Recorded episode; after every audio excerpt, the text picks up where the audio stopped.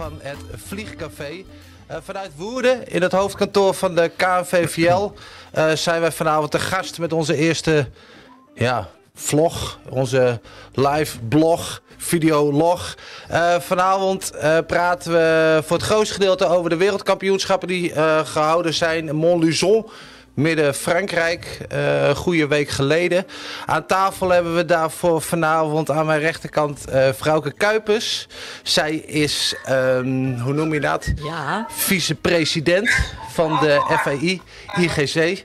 En um, aan de overkant Hadrian van Nes, deelnemer in de 15 meter klasse, um, vierde geworden. Uiteindelijk Zeker. helemaal fantastisch. Um, uh, Ger Kwant, de team captain. Goed zo. Dus het maakt niet uit wat ze hebben gedaan. Het is eigenlijk allemaal jouw prestatie. Um, daarbij Nico Koster, uh, uit naam van het ABZ. Uh, ja, eigenlijk de eindbaas van het uh, Nederlandse wedstrijd. Het competitieve zweefvliegen komt zo meteen aan tafel. En wij hebben um, op onze um, inbelverbinding zometeen uh, Jeroen Verkuil, Ties uh, Bruins, Simon van der Eikel en Nick Hanenburg. Nick Faber. Nick Faber. Waar zo, oh shit, Nick Faber. Nick Hanenburg. Um, we doen wat verschillende onderwerpjes vanavond. ik wilde graag beginnen met een kleine introductie. Want ik heb enorm lang gegoogeld naar wat de functie van Vrouwke Kuipers nou precies is. Want die is sinds kort uh, vicepresident van de FAI IGC. De FAI is de hele overkoepelende organisatie en daar zit een stukje IGC. Ja. Dat, dat zijn de eindbazen van alle wedstrijden, internationale wedstrijden. Nou, en daar ja. ben jij... Je, je, moet het eigenlijk zien, FAI is een soort KNVVL, maar dan van de wereld. Net zoals de FIFA is en allemaal dat. En dan heb je zweefvliegen. En dat is de International Gliding Committee. En, uh, en zo is er ook ballooning en modelvliegen. En um, het is alleen de, de wereldorganisatie zoals de KNVVL nationaal is, is FAI. En IGC is wereldwijd. En uh, ja, vicepresident uh, in het Engels vice president dat klinkt dan wat, wat minder interessant. Maar in feite is het IGC is het ABZ van uh, de FAI en je bent gewoon het bestuur.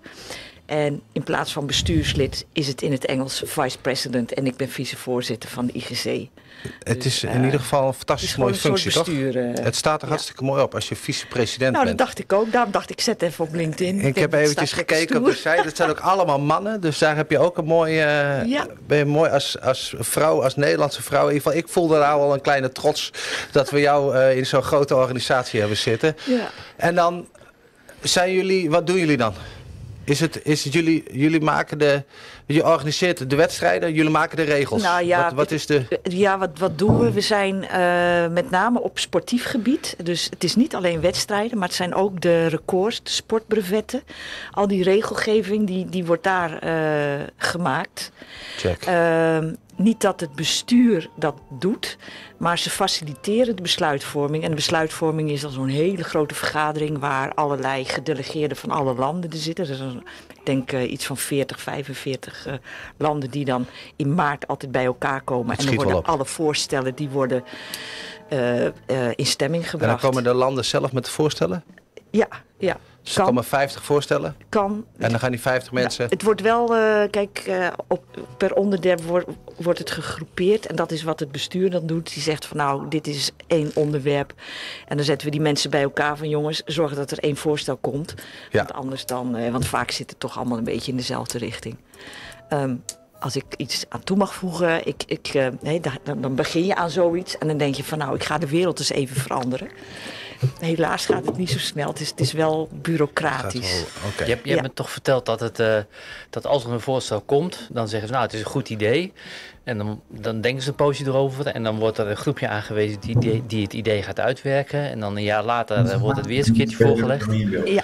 En dat duurt gewoon jaren, zeg maar. Drie nou jaar ja, twee is... jaar. En dan op een gegeven moment, het voorstel op zich is altijd wel goed, maar dan wordt het zo uh, aangeknutseld dat uiteindelijk net niet meer goed is. Uh, maar goed, dat is het systeem voorlopig en uh, we doen ons best. En soms komt er iets goeds uit. Ja. Mag ik er als kernploeglid ook bij vertellen, inderdaad, dat voorstellen uit de IGC worden ook altijd eerst bij ons voorgedragen. En uh, ja. kunnen wij ons uh, sausje eroverheen gieten. Ja. En kijken hoe wij dat als wedstrijdvlieger interpreteren en of het een goed voorstel is of niet. Maar dat is dan ook, dat is ook wat je zei, het gaat een beetje traag. Maar dat zijn wel een hoop schijven ook. Ja, Ja, maar dat is denk ik ook wel nodig. Want, want anders wordt ook het zweefvliegen, ook het wedstrijdvliegen, kan dan heel bureaucratisch gaan worden. Door de regeltjes. Ja. Terwijl je toch ook wel de vrijheid wil die je normaal met overlandvliegen ook kent. Wil je die natuurlijk Ja, ook wel een beetje zo. hebben in het wedstrijdvliegen. ja, ja. Ja, wel. Oké, Op maar, een eerlijke, faire manier. ja, oké, maar als je een keer een regel binnen de WK zou willen veranderen, uh, aangaande het starten bijvoorbeeld, dan moet eh, een land een, een voorstel eh, indienen. Ja. Dat wordt dan eventueel met een gelijkend voorstel gegroepeerd. Ja. Dat komt bij jullie terecht. Jullie leggen dat terug bij die 40, 50 landen die eh, in de vergadering zitten. Ja.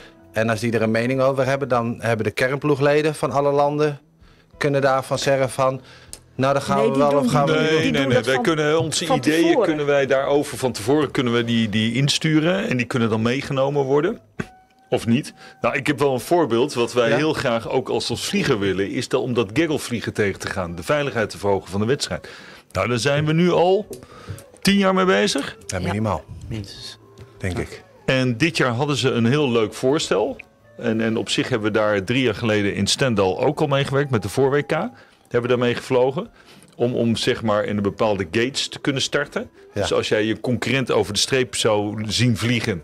Dan moest je minimaal nog vijf minuten wachten voordat jouw bracket van 10 minuten waarin jij mocht starten. Dat lijkt zou op wat er, eh, hebben we dat met de NK een jaar of drie geleden niet mee geëxperimenteerd. Met die start, eh, met die startsectoren, ja dat was de starttijden. designated start. Ja, designated starttijd. En daar zouden we dit WK ook mee vliegen. Maar omdat wij daar niet mee hebben kunnen trainen, is dat niet doorgegaan. Nee, klopt. Oké. Ja. En dan komen we straks denk ik ook nog wel Ja, op, eh, terug ik over wil het heel graag, gagglevliegen. eh, daar heel graag eh, wil ik daar nog heel veel over weten. Daarnaast, Vrouwke, ja, je bent druk. Ehm, was je ook nog, wat was je? Ja, ik Official? was eh, eh, chief steward daar. Chief Steward. Ja, en eh, als official van de IGC samen met Robin van Maarschalkenweert. Eh en, als, en dat vind ik eigenlijk veel leuker om over te praten, want dan ben je, sta je echt met Ja, de voeten in de toch- klei. maar maar wat doe je eh, dus? Dat is dat je de, de organisatie adviseert in het, in het organiseren van hun wedstrijd. En waarom is dat? Eh, een wereldkampioenschap met 100 vliegers is echt heel wat anders dan een nationale van 40 vliegers. En je hebt je eigen cultuur. En als je ergens komt, dan denken alle organisaties dat eh, zoals hun NK georganiseerd wordt, dat dat de standaard is in de wereld. En dat moet je Ja. dus, dus omturnen. Dus de Ja. eerste week, trainingsweek, dan heb je enorm veel tijd nodig om, om die cultuurverandering eh, te bewerkstelligen. En dat begint natuurlijk met het, het vertrouwen krijgen van de organisatie. Want ik moet niet zeggen van jullie doen het verkeerd en eh, ja, je laat ze eerst een beetje van nou laat me zien wat je doet. Gaan modderen. En eh, ja, en, en als, het, als het lukt, en meestal lukt dat wel, dan, dan heb je binnen een week die, die hele cultuur omgekat, zeg maar. En, en het truc is dat de wedstrijdvliegers er zo min mogelijk van, eh, van merken dat dat, dat, eh, dat, dat dat gaande is. En eh, meestal na, na een week, dan heb je als steward, dan heb je het rustig, want dan loopt alles als een geoliede machine en is alles En is dat dan stiekem voor Ger en Hadriaan dan heel erg fijn dat wij een Nederlander in zo'n ja, in zo'n clubje hebben zitten? Want ik kan me voorstellen, als er iets gaat, Geef jij antwoord? als er, als er iets gaat waarvan je denkt van nou ja, eh, kan dat niet eens anders? Of eh, dat, je dan, we- dat je dan makkelijker eventjes vrouwke belt van vrouwke dit en dit. De wc-papier is voor de derde keer op vandaag. Nee, En die Fransen moeten daar echt iets aan gaan doen. Montluçon kent men de- met eh, zich... eh, nou, een, een, een, een, heel ander ding dan vliegen. Dat was het sanitair. Dat was een beetje ja, op de Franse slag met een, eh, een, een internationaal cultuursausje eroverheen in negatieve zin. En eh, nou, dat is uiteindelijk eh, prima opgelost door Lilian. Die heeft op een gegeven moment zeepflacons gekocht en dergelijke. Dus die heeft het initiatief genomen om te zeggen van... hé, hey, beste mensen, Ja. hygiëne doen we ook zelf. En, en dat was ook naar de wedstrijdleiding toe, want die deed echt wel hun stinkende best. Gezien de omstandigheden waaronder wij het toernooi moesten houden en vliegen. Om daar het beste van te maken. Ja. Ja. En dan heb je altijd azijnpissers. En, en eh, ik ben hartstikke blij met, haar- met die organisatie geweest. Want ze hebben er echt het, het maximale uitgehaald. Ja. Echt Dus, dus eh, Nee, Nee, en, dat dat goed leiden. En dan kijk je een beetje van, hey, heeft het voordeel dat er eh, Nederlandse steward zaten? Nou, Robin is ingevallen voor een andere steward. Dus dat was een discussiepuntje van hey, twee Nederlandse stewards en dergelijke. Nou, het enige wat wij voor eh, eh, hun gedaan hebben, is dat Robin op een gegeven moment last had van vleesgebrek. Dus we hebben een barbecue bij de tent Ja, ja, iedere keer. Daar hadden wij de stewards bij ons zitten. En af en toe ook andere mensen inderdaad die dan eh, van vlees voorzien Ja, konden wij worden. zaten, wij zaten in de kost bij de Fransen. En het, dat was erg, ze deden erg hun best om een heerlijke maaltijd eh, te maken. Maar het was enorm verantwoord. En geen vlees en linzensalade en kikkererwtensalade. Ah. En nou, goed, na twee weken wil je wel eens een keer wat Ja. anders. Ik was één dag Dus- eh, langer gebleven. Ja. En toen werden alle restjes opgemaakt, dus ook alle stukken vlees. Dat was wel. Dat was Die goed. massa had jij Dat weer, want dat was het eindfeest inderdaad. Ja. Dat was wel met barbecue. Ja, ja, ja. De, mm, dat nou, is dus, ik- dat wat, wat wel aardig is overigens, wij hebben ook wel wat aan het Nederlandse team. Want als er wat is, dan signaleren jullie dat. En zo van, eh, Ger is wel een paar keer bij ons geweest van, goh, let hier even op. Kun, Ja. kun je daar even aandacht aan schenken? Dus dan kun je heel vroeg, kun je al eh, anticiperen op, op, op zaken. En in de volgende briefing dat al oplossen. En dan, dan gaat het niet sluimeren, want dat is Ja, natuurlijk... ja, eh, Bij dat soort dingetjes dat je er vroeg bij bent. Want ook kleine, ja, wat zijn het, ergernissen. Ja. Worden met verloop van tijd worden dat misschien grotere problemen. Dat, En je, dat je dan wel snel kan schakelen omdat je uit hetzelfde wat heel aardig is van, tot slot, eh, zeg maar van de organisatie. Soms heb je eh, van die organisaties die vinden echt zichzelf hartstikke goed en zo. Maar deze organisatie die eh, stond echt open voor alle adviezen. En ze waren ook in staat om intern elkaars competenties die ze hadden, om die ook optimaal in te zetten. Dus de, de wedstrijdleider zelf, die sprak niet zo goed Frans. En had hij ook een zware Engels. eh, Ik Engels. ben niet goed Engels. Maar die had ook een zware stem, dus die was eigenlijk niet te verstaan. dus toen was er iemand anders, die sprak heel goed, vloeiend bijna Oxford-Engels, een Fransman. Dus die Ja. deed eigenlijk de hele briefing. En de wedstrijdleider, die deed de opdrachten en operationele procedures. Nou, die waren elke dag hetzelfde. Dus dat was verder niet zo'n probleem als het niet verstaan werd. Eh, zeg maar, de meteo werd gedaan door Aude Oendezee. Dat is een eh, dame van de kernploeg, eh, de vrouwenkernploeg in Frans, Frankrijk, die meteoroloog was, is. Dus zo werden al die competentie echt, echt helemaal uitgebuit. En, En en, dat moet Ik ik, begreep zeggen. vanmiddag van respect. jou dat je vindt het zo mooi. Je bent official daar. Ja. En dat komt eigenlijk, dat word je eh, door eh, dat je jarenlang in de wedstrijdwereld Ja. eh, meedraait. Ik ben natuurlijk begonnen Word als, je gevraagd als als, official. En het is eigenlijk het is een hele eervolle. eh Ja, nee, ze- kijken of baan, je- denk ik. Wel. of Is je- een baan? Nee, nee, zeker het niet. is gewoon een het is eervolle hobby. drie weken vakantie. en om kwart voor zeven op, elke Ja. ochtend. Nou, maar ehm, eh, ik ben begonnen natuurlijk in 2000, eh, of, ja, 2000 ongeveer als coach. Ja. Toen ben ik vaak mee geweest als teamcaptains. Dus dan zit je in die te- teamcaptainsvergadering. Op een gegeven moment werd ik ook eh, die delegate, die IGC, eh, kwam ik in dat wereldje. Ja, en dan weet je over regelgeving, waarom bepaalde regels zijn. Eh, als teamcaptain kun je profileren. Of, ja, ja, mensen die me kennen, die weten dat ik mijn mond wel open doe. Ja, en op een gegeven moment word je gevraagd om ergens een keer steward te zijn. Zo is Robin eigenlijk ook er- er- erin gerold. En, Oh. eh, en dat is, vind ik wel leuk, ook van het huidige IGC-bestuur. We staan eh, met z'n allen wel, hoe zeg je dat, met de voeten in de modder, in de klei. Want de, de, de president, zeg maar de voorzitter, dat is nog dat is een Deen. En eh, die maakt nog deel uit van het Nationaal Deense team. En eh, die heeft jarenlang in Frankrijk gewoond. En ze- hij is zelfs gevraagd om voor het Franse nationale team te vliegen. Dus het zijn geen ehm, eh, zeg maar statusbestuurders. Maar Nee, echt, ze willen niet. wat veranderen. Ja, ja, ja. Nee, Zo zie ik mezelf eigenlijk ook wel. Een zeker de president inderdaad, dat spreken. Ik ken hem persoonlijk, eh, Ja. Peter inderdaad, Pieter. Die, die eh, is heel pragmatisch. Ja, Vladimir Voltin is secretaris. Ja, is precies. een, eh, nou ja, daar had ik het vliegtuig van gehuurd. Dus ja, ja, Heel dat aardig heel goed. kan niet missen. ja precies. Ger, zou jij de WK samen kunnen vatten? Ik heb het natuurlijk elke dag gevolgd, want ik vind het echt fantastisch om te volgen. Of nou de EK de junioren was, het nou de WK. Ik heb heel Bayo elke seconde gezien. De, helaas de junioren wat minder dit jaar, maar ik vind het echt, eh, ik vind het, ik vind het wedstrijdvliegen het mooiste wat er is. Maar hoe was het op, de, op het vliegveld? Als eh, captain. Jeetje, hoe moet je het samenvatten? Eh, wij zaten gewoon in de, in, de, in de drie weken dat we hebben gezeten. Was de eerste week, de trainingsweek, was eigenlijk gewoon matig weer. En eh, dat, die- ja, het niet Eh, dat de wedstrijdleiding geen trainingsdagen kon geven, ja, dat speelde een beetje door in de wedstrijd. Maar vanaf de, zeg maar de, de twee wedstrijdweken eh, zaten wij in het enig bruikbare stukje weer wat West-Europa, Oost-Europa te bieden had. Ja. Ja, ja, klopt. En Ja. eh, dat in een moeilijk gebied. Het veld ligt op eh, 400 eh, meter, 420 meter. En dan loopt het in een kilometer of 30 naar het noorden loopt het lager uit.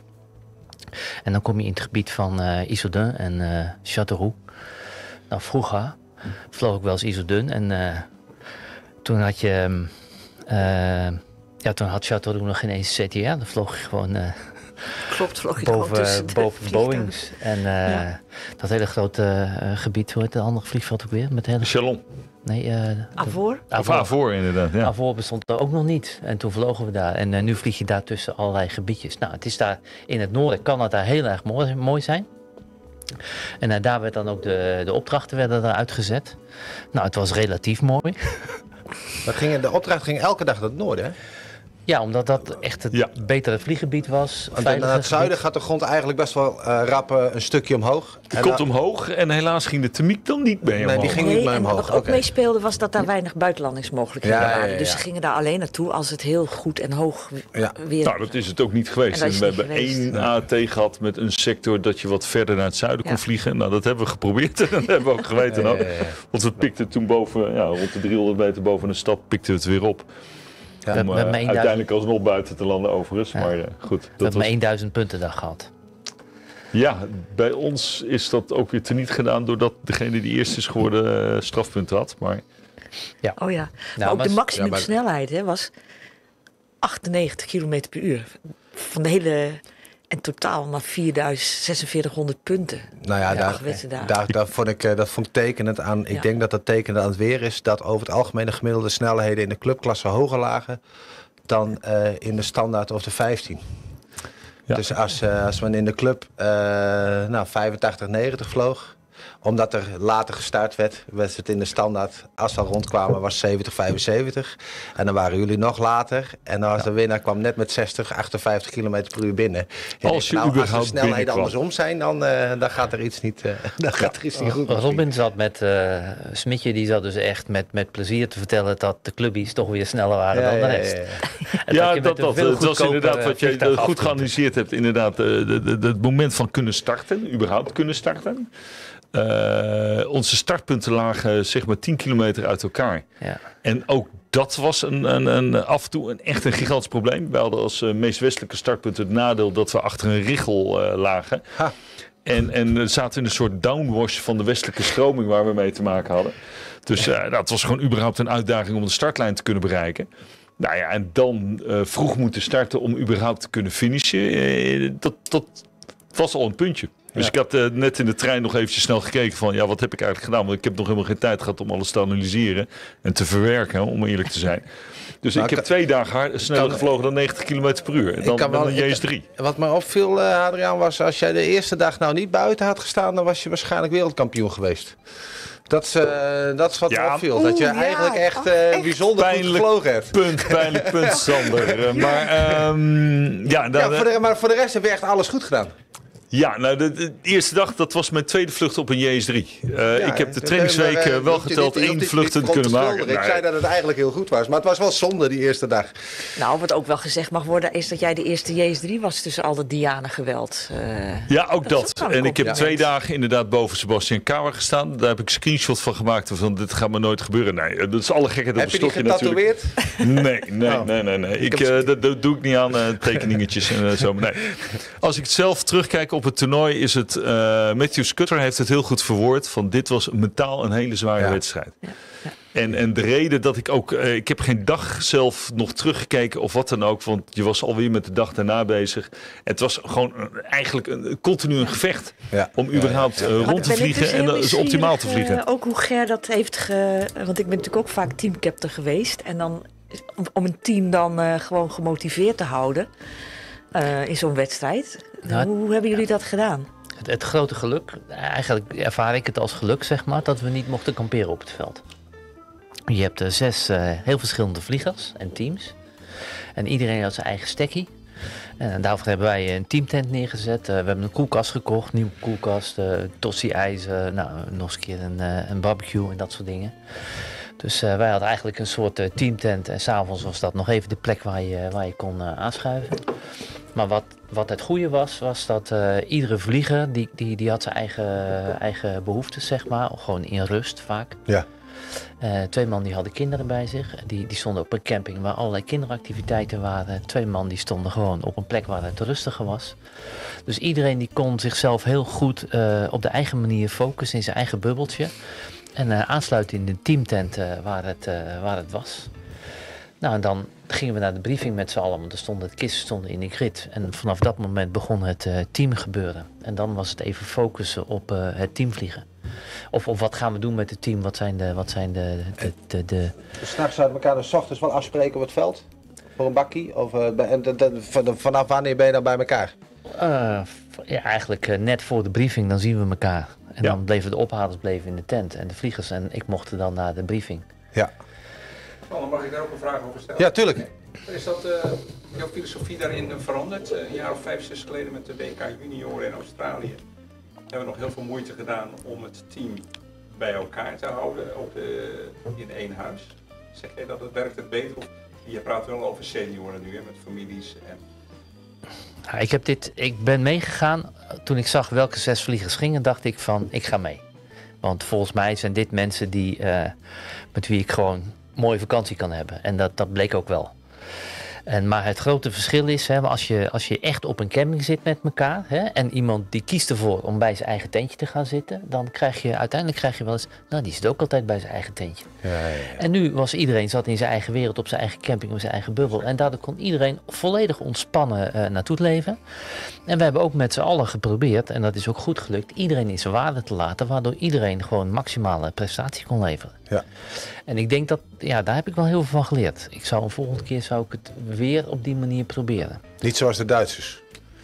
Ik zag in een filmpje van de Duitsers, die hadden met uh, het hele land, en, of het hele land, ja, ja. Nou, er niet over Duitsers. Een kasteel of zo. Die, met het, nee, ja, die hadden een kasteel gehuurd met z'n allen. Ja. Die zaten echt met z'n allen in één, uh, in één groot kasteel. Het zag er mooi uit, maar... Uh, ja, misschien past dat uh, goed bij hun of zo. Ja. Hè? In, in, okay. in, uh, in Australië waren de Duitsers die waren veel losser en vrijer dan uh, wij waren, maar de junioren. Um... Ja, je moet ook kijken naar de karakters, denk ik, van ja. het team en binnen het team. En dat moet ik eerlijk zeggen, van, er is geen onvertogen woord gevallen. Nee. En ook tussen junior en senior en dergelijke is ook gewoon uitgesproken. Het plezier wat we erin hadden en, en gewoon dat iedereen zijn zegje kon blijven doen. Ja. En dergelijke. Dus het was... We kunnen er eventjes een, iemand van de jongeren gaat er misschien even bij halen, Jens. Hangt Ties al? Ja, Ties! Goedenavond. Hey Ties. Hey, hey. Kun je hem op groot scherm zetten, Kun je een beetje goed horen? Ja, hoor je al perfect. Wij wel. Zeker Ties. Ja, ik, uh, ik wilde met Ties, uh, Ties erbij halen. Ik heb vanmiddag heel even met Ties gebeld. Ik zei van, uh, ik wil het heel graag ook even over de tactiek hebben. En daar kwamen we zo net al bijna op. En de, aangezien de captain er nog zit, mag ik jou inruilen? Ja, zeker. Want dan vraag ik Nico Koster aan tafel. Ja, klinkt heel lullig als ik zeg van, mag ik jou inruilen? Maar het, is, het is nou eenmaal zo. Begin ik heel eventjes, Ties, ik, uh, ik moet Nico eventjes het woord geven voor een heel klein, nou, officieel... Dat kan, ook straks. Nee, we laten meteen maar, toch? Ja? Dan, ja. Dan is het... Ik ga eerst Ties toespreken. Ties, ik zit hier als, als ABZ-lid, met als portefeuillehouder van CWS. En ik wil jou... ja, sorry, zo is beter. Uh, namens ABZ en CWS uh, van harte feliciteren met je tweede plaats in de clubklasse tijdens jouw eerste wereldkampioenschap. Dat is natuurlijk echt een geweldige prestatie. Als het goed is, krijg jij de komende weken nog een daadwerkelijk presentje thuisgestuurd in, uh, in, jou, in Dubai. Maar ik wil jou nu alvast een virtuele bos bloemen overhandigen namens ABZ en CWS. Nou, heel erg bedankt. Uh, heel bijzonder. Uh, ik, ik, leer ook steeds meer mensen kennen zo. Dat is wel, uh, is wel grappig. Ja. Maar nee, leuk. Ja, leuk om je ook te ontmoeten, Nico. Ja, je, wij, ik heb inderdaad na zitten denken, maar wij hebben elkaar denk ik nog nooit ontmoet. wie weet gaat dat in de toekomst komen. Nee, klopt. Ik, elke keer als ik op een een wedstrijd ben, dan voel ik me een beetje de, de newbie. Ik, ken eigenlijk weinig namen, maar uh, langzamerhand uh, ja, gaat het steeds sneller. En ken ik gelukkig nu de hele tafel een beetje. Okay. dus uh, het stroomt langzamerhand binnen. Nou, hartstikke leuk dat we elkaar op deze manier zien. Ik wil ook namens weer het ABZ en CBS het, het hele team feliciteren met jullie zilveren plak, met jullie tweede teamplaats. Ik denk dat dat echt een hele goede prestatie is in het geweld tussen de de Engelsen, de, de Fransen, de Italianen. Alleen we hebben de Duitsers boven ons moeten dulden. Jullie kunnen straks een bos bloemen mee naar huis nemen. En de rest van het team eh, krijgt nog, een, als het goed is, een bloemetje thuis gestuurd. De, de, de medaille is in beeld. Maar, uh, Kijk, met de toren. Volgens mij namens heel Nederland. Heel goed. Ja, echt uh, knap gedaan. Ja, onwijs trots. Ehm, de tactiek, daar wilde ik, Ties er voorbij gepakt. We hadden het net al even gehad over het gaggle vliegen. En... Ehm, het, het toch wel eh, het, het, concentreren op, uh, op je tegenstander. En ik heb dat bij de, uh, bij de junioren ook heel erg gezien. Uh, verschillende stijlen van vliegen. En daar had je van Bremen, 4, die, die heeft zich eigenlijk helemaal met het team niet, niet, niet, niet bezig houden. Die, is, die heeft ervoor gekozen om solo die wedstrijd te vliegen vanuit zijn eigen kracht. En dat is een beetje te, ja, tegenstrijdig van, uh, van uh, de, de filosofie volgens mij van de afgelopen uh, jaren. Maar dat hebben we ook wel losgelaten. We hebben van tevoren hebben wij afgesproken, we hebben wij gebeld met elkaar. Ik heb met Ties gesproken en gezegd van, goh, wil je teamvliegen? Want daar hebben we goede resultaten mee. Nou, Ties gaf aan, ik wil het liefst de AC-20 vliegen, mijn eigen kist. Robin zei ook, ja, ik wil het liefst de LS-4 vliegen. Nou, daarmee ja, uiteindelijk hebben jullie nog contact gehad met uh, Tim Kuipers hè, om dat eens goed uh, door te praten. En uiteindelijk een hele bewuste keuze om uh, losvast te gaan teamvliegen. En eigenlijk gold dat voor alle drie de klasses. En wat er gebeurde tijdens deze wedstrijd was dat mensen zo lekker relaxed in hun vliegtuig zaten. En niet gedwongen werden je vooral heel veel aandacht te besteden aan je teammaat. Dat ze in de loop van de wedstrijd steeds makkelijker met elkaar konden teamvliegen. Ja, ik, maar dat zeg ik dat goed, Ties? Ja, dat denk ik zeker. Uh, Rob en ik hadden inderdaad eigenlijk afgesproken niet team te gaan vliegen. Maar tegelijkertijd uh, dat we wel teamgenoten zijn. Dus als we elkaar kunnen ondersteunen, dan, uh, dan deden we dat wel. Maar op hele natuurlijke wijze zijn we wel ehm, samen gaan vliegen. En, en, niet altijd tip aan tip. Maar, maar gewoon, weet je, met een ja, heel groot elastiek ertussen, zeg maar. Eh, soms wel samen. En dan af en toe maakten we onze eigen keus. En ik denk dat het belangrijk was, uh, dat telkens als we weer, uh, als we allebei ons eigen pad gingen, dat we niet concurrenten werden. We bleven informatie doorgeven en dan eindigde er vanzelf eentje wel voorop. En die kon dan de andere weer bijhalen door informatie door te geven. Dus, uh, dus uiteindelijk was het toch wel veel teamvliegen, ondanks dat we niet de hele tijd op elkaar staart zaten. En dat is, wel iets wat wezenlijk veranderd is volgens mij. Dat daarvoor werd best wel heel erg geprobeerd om die, die tip en tip uh, dus dicht bij elkaar is, uh, is sneller. En uh, wat mij in ieder geval, mij persoonlijk dan van, van, van ver afkijkend hè, naar de trekking opviel, was uh, dat dit, dus echt het vliegen vanuit je eigen kracht, dat dat zo goed gewerkt heeft uh, dit WK. En dan voor, voor Van Bremen bij de, bij de EK en nu met, met het WK, met Ties op de tweede plek. Dat, dat vond ik heel erg mooi. En ik zat te denken van de vraag bijvoorbeeld aan Adriaan, heeft dat jouw manier ook van, van het wedstrijd vliegen en het en teamvliegen en het, en het samenvliegen heeft, een, heeft een, een prestatie van Ties door tweede te worden daar een ander licht op. Of heeft dat nu te maken met het weer dat dit loont en dat het een nee, andere keer niet loont? Of... Twee kanten, twee kanten. Inderdaad, wat net gezegd is, inderdaad, twee verschillende vliegtuigtypes en dergelijke. En, en twee tof uh, verschillende karakters. Een, een ervaren wedstrijdvlieger als Robin ten opzichte van uh, ja, een rookie als, als Ties, die het fantastisch doet. En die elkaar daarin versterken door informatieoverdracht. En Robin die qua tactiek, zeker de laatste dag inderdaad, Ties uh, goed heeft geholpen. En dat konden wij natuurlijk heel mooi volgen op de, op de radio. Kijk ik naar mijn samenwerking met Jeroen. Uh, we hebben van tevoren heel duidelijk afspraken gemaakt. Vliegen we samen af, dan vliegen we samen af. Kunnen we elkaar versterken, kunnen we elkaar versterken. Nou, ik zag net, uh, ja, toen ik hier naartoe reed, van ja, dat we eigenlijk maar twee dagen snelheden hadden die heel dicht bij elkaar lagen. Eh, en, en één keer een afstand die heel dicht bij elkaar lag. Eh, de, dus eh, ja, Jeroen die landde on- onder mij. Ja, en ik heb denk ik 500 meter verder heb ik de, liep de motor. Ja. De- dus, Volgens Ja, mij hebben we daar een filmpje nog wel van gezien. dat, ja, precies, dat inderdaad. Ja, ja, in eerste instantie had, ja, er zat er een luchtbel in de leiding. Dus ik moest eventjes terug naar het landingsveld vliegen. En toen pakte die wel op, gelukkig. Maar, ehm, dus, dus... En dat, dat neemt een stuk spanning weg. Want teamvliegen, dat, dat vereist training. Ja. En dat vereist toch wel ook af en toe wat opoffering en dergelijke. En nu was het zo van, zeker ook gezien het weer en de omstandigheden, van ja, zat je goed. En dan eh, had je van tevoren een bepaald tactisch eh, idee van, van het vliegen. Daar ging je dat uitvoeren. En, hoe En was, dan hoef je dat niet te overleggen met anderen. dit jaar? Ja, standaardklasse is sowieso, Sjaak en Robbie, die hebben van tevoren al gezegd van ja jongens, teamvliegen dat werkt bij ons niet, dus dat doen we niet. Doen we en tot mijn verbazing, volgens mij de laatste dag, waren ze met elkaar aan het vliegen. Ja, ja dat, dat viel mij ook op hoor. Ik, heb de, sta- ik moet eerlijk zeggen, de standaardklasse niet heel erg uh, vooral, vooral eh, 15 in de club. Maar, eh, maar eh, het viel me inderdaad al meer op dat het losgelaten werd. En ik vond dat een hele mooie ontwikkeling. Ik, vind, ik wou net zeggen, dat is wel een interessante ontwikkeling. Omdat Ja. nog een paar jaar geleden, alleen het kan ook weer met de samenstelling van de personen te maken eh, gehad hebben.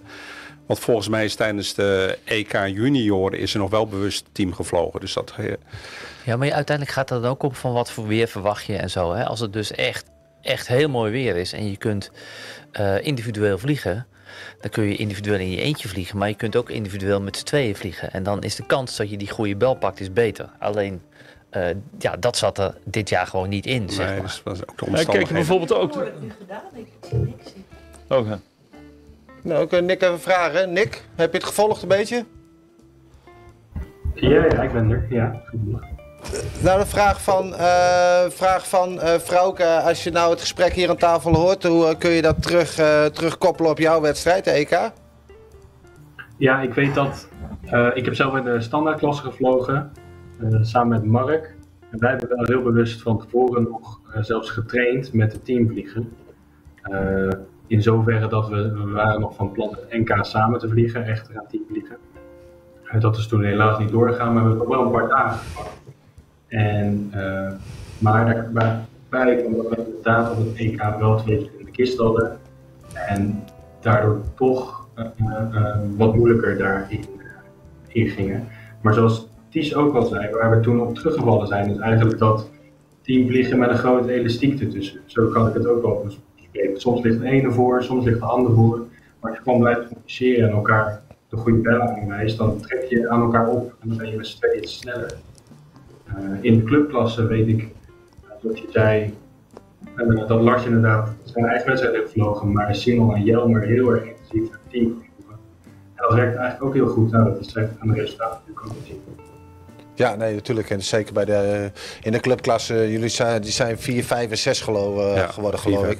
Ook een fantastische prestatie natuurlijk. Maar ik vond het wel ge- geinig dat eh, daarin dus in- inderdaad twee teamvliegen en één solo. Dat het uiteindelijk op een gegeven moment eh, tot hetzelfde, hetzelfde resultaat aan leidt. Ja, maar tip en tip vliegen hè? in 2015 Australië. Dat resulteerde wel in eh Ronald Derenberg en Robin Smit.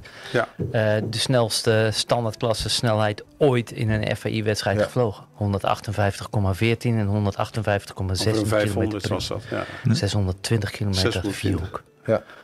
Dus tip aan tip vliegen heeft ook zijn voordelen. Maar ik, ik, kreeg, ik kreeg de indruk dat de afgelopen jaren tip en tip vliegen de standaard was. En dat dat nu wat verbrokkelt. Jeroen die was daar heel duidelijk in. Jeroen die heeft toen in lesje... in Jeroen tweede- luistert mee, dus dat... Ja. Die heeft in 2017 heeft hij heel duidelijk eh, met, eh, met Peter Millenaar gevlogen. Dat ging eigenlijk hartstikke goed. Maar Jeroen die heeft aan het begin van de wedstrijd gezegd...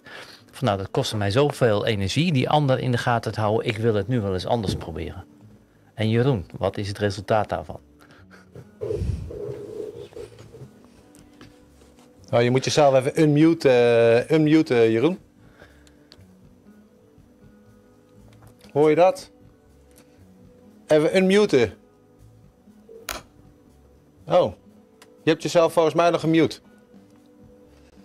Microfoon aanzetten. Oh, nou dan horen we jou niet. De techniek laat Gaat, ons in eh, de steek. ga- gaat, eh, gaat Jens wel even met je bellen, denk ik.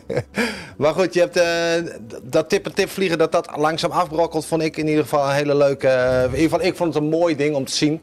Eh, ik vond het leuk om te zien, eh, omdat dan eh, ook meer de, ja, ik weet niet, het karakter van de vlieger doorspiegelt in de, in, eh, in de vlucht of zo. Ik vond in ieder geval, eh, en ik vond de successen deze WK mooi om te zien. Want, eh, nou ja, met Hadriaan en dan in ieder geval eh, met Ties. En eh standaardklasse heeft het natuurlijk ook goed gedaan. Eh, Ja, en Robin ook. ja, Roy, Roy, iedereen Ja, natuurlijk eigenlijk. iedereen ja. heeft gewoon een tweede. zeggen. Anders Ja. word je als team niet tweede. hè? Nee, ja, natuurlijk. Nee, ik doe iedereen tekort als ik het anders zeg. Alleen Nee. het viel me op dat deze keuze viel me op. En dat, ik vond het er mooi uitzien. Laat ik Nou, precies. En kijk ik ook naar de andere teams. Eh, ik heb de Duitsers echt vleugel aan vleugel zien vliegen in onze klasse. Nou ja, het resultaat was eh, niet, niet om echt naar, ja, naar huis te schrijven. Eh, de Fransen, die, die hebben we helemaal niet gezien. Nee. Eh, kijk ik ook naar de Polen. Eh, die hadden als grootste voordeel inderdaad dat zij eh, de Diana 2 met Ja. hun minimale gewicht hadden. En dergelijke. Maar Sebastian en Lucas, die hebben ook niet altijd samengevlogen. Ik kwam Lucas kwam ik ook heel vaak alleen tegen. En, en ja, dan had hij wel aan het einde het voordeel dat hij weer zo'n vederlicht vliegtuigje wat naar boven dwarrelde Die, had. Diana 2 was juist voor deze wedstrijd. Klopt. En, en kijk ik naar de dagen dat wij wel boven die 90 km per uur konden vliegen. eh, dan stonden wij daar ook met die JS3. Oké. Ja. En, en eh, ja, één dag dat, dat, dat eh, had eh, Ricky, die, eh Ricky Brigliadori, die, die had waanzinnig hard gevlogen. Nou, waanzinnig hard gevlogen. Die had 91 km per uur. En wij hadden Voor de 81 15 meter klasse kist ja, en wij hadden veel. 81 km per uur. Dat zat gewoon 10 km per uur verschil in. En dat kwam puur doordat eh, ja, één segment van de wedstrijd had hij een voorsprong van 10 minuten. Het is maar 10 minuten opgebouwd. En het weer was van die aard dat daar op het einde werden er gewoon aan, aan knoppen gedraaid. En wij moesten naar huis toe krabbelen. En Ja. hij heeft met twee bellen was hij thuis. Ja. Du- Dus ehm, ja, en dat verklaart ook die grote verschillen. de, de allerlaatste dag kwam hij het richeltje tegen.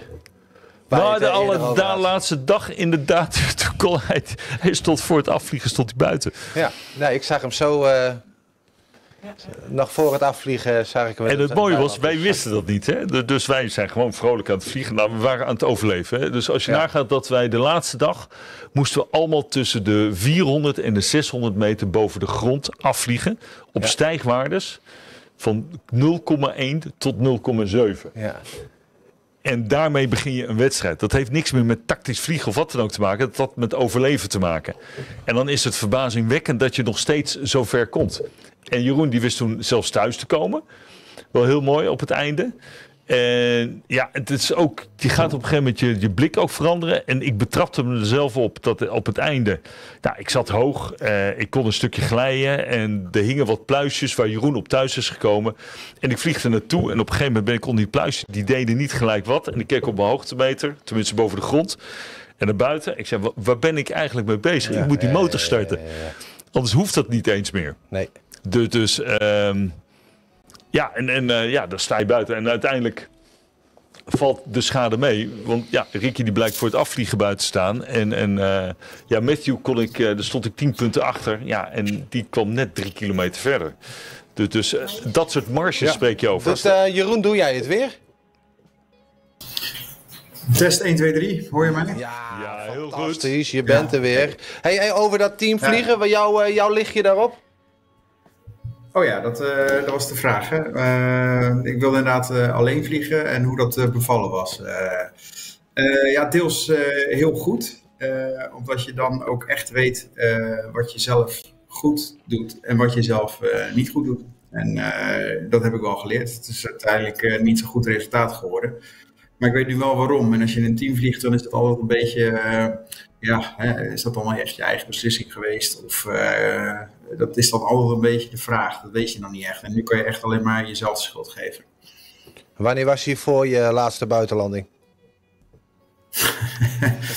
Ja, eh 15 jaar geleden. Maar ik heb het goed ingehaald. eh. Ja, dan heb je hem aardig, aardig geoefend. Dat eh, wilde ik inderdaad mij. nog vragen. Maar, eh, de, als je een motor had, had je er eh, dit keer echt een nadeel dat je eh, andere beslissingen moest nemen? Dat heb ik ergens gelezen. Dat de, degenen die zonder motor vlogen in het voordeel waren. Adriaan, jij Ja, ik, Jeroen. ik, ik durf zo niet zo te zeggen. Want eh, op zich, ja, je kan misschien iets lager door. Maar in de praktijk, eh, ik, denk dat het niet tot nauwelijks uh, verschil is geweest. Uh, het, zoals Hadrian al zei, uh, waar we met z'n tweeën op een behoorlijk laag zaten. dan zou ik ook zelfs bijna nog kunnen zeggen dat hij nog iets verder kon vliegen met, met de jet dan, dan ik. Ja, je moest af en toe toch wel oppassen met buitenlandingsmogelijkheden en dergelijke. Natuurlijk, als je een motor hebt, dan, dan kun je theoretisch kun je iets verder doorvliegen. Alleen je wilt toch wel een landbaar terrein onder je hebben voor te starten. En, en eh, nee, het enige voordeel van het niet hebben van een motor, wat ik kan verzinnen, is een lagere vleugelbelasting. En, en wat kenmerkt deze wedstrijd, zeker op het thuiskomen, ja. dat die vleugelbelasting die moest zo laag mogelijk zijn. Want je moest omhoog. En, en uh, ja, dat was eventjes winnen. En, en het krabbelen, maar goed, het, het uh, met minimaal weer vliegen en dergelijke, dat, dat hebben wij uh, in Nederland ook wel eens. En, en uh, kunnen we wel vliegen. Maar kijk je echt naar wedstrijd technisch, tactisch vliegen. Ik kijk terug op een wedstrijd waar we eigenlijk maar twee, misschien drie dagen echt tactisch hebben kunnen vliegen. Ja. Waar echt dat, dat we af en toe op andere momenten konden vliegen, andere besluiten konden nemen, die dat ja, in dit geval af en toe ook goed uit konden pakken.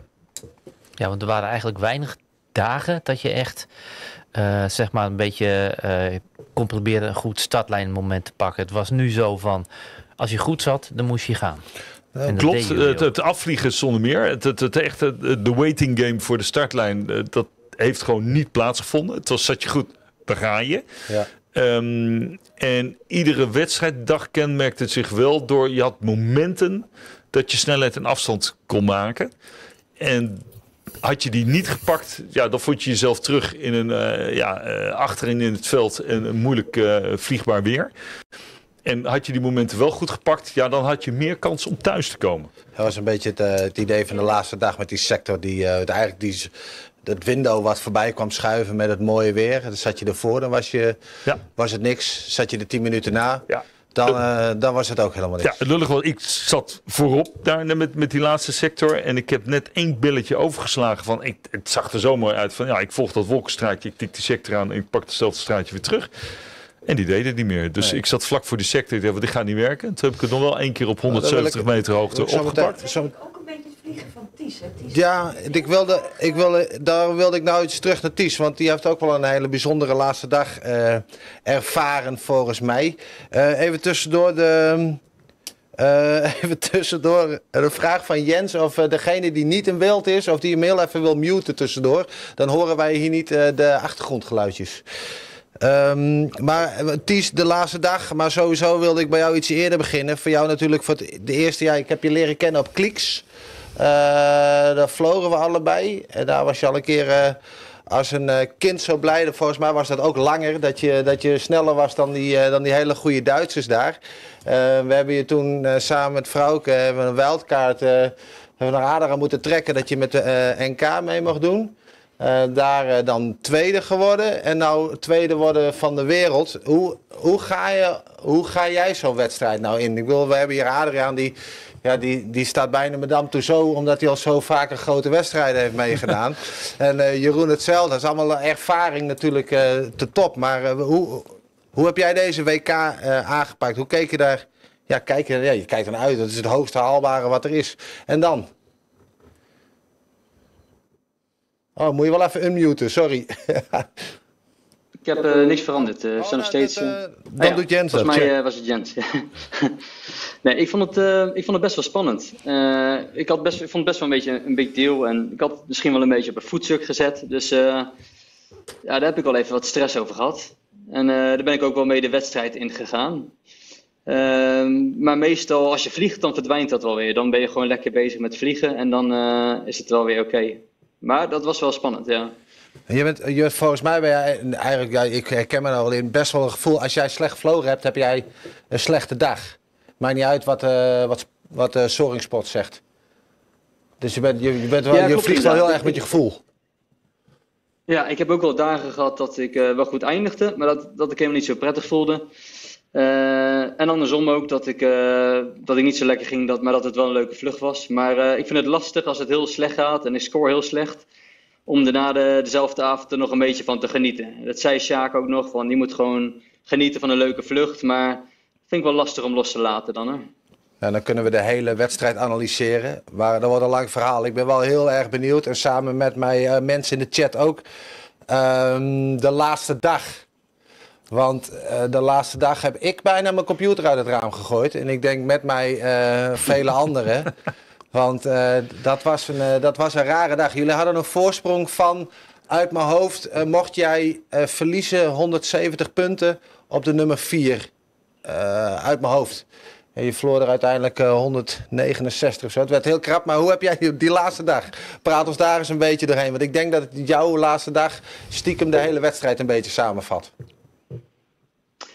Ja, eigenlijk valt dat wel mee. Eigenlijk was het een hele unieke dag. Omdat dat was eigenlijk de enige dag dat, dat ik tactisch een beetje bezig was met mijn concurrenten. En uh, dus wat dat betreft was het wat, wat anders vliegen. Um, en we hebben ook, uh, die dag heb ik met Robin afgesproken dat we samen zouden vliegen. En uh, ook dat we samen de startlijn over zouden gaan. En om elkaar op tijd te vinden voor de startlijn en allebei klaar te zijn, dat heeft ons nog wat tijd gekost. Wat ons uiteindelijk aan het eind van de dag een beetje dwars gezeten. Maar um, uiteindelijk we helemaal niet zo'n slechte dag.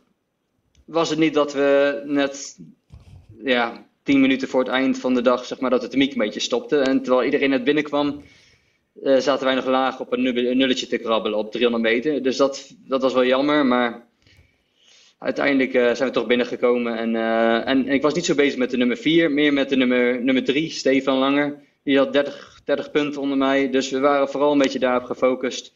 Uh, dat we niet uh, heel veel zouden verliezen ten opzichte van de Duitsers. Ja, en fantastisch dat net die twee Duitsers uh, die dag er ook eigenlijk helemaal niks van gebakken hadden.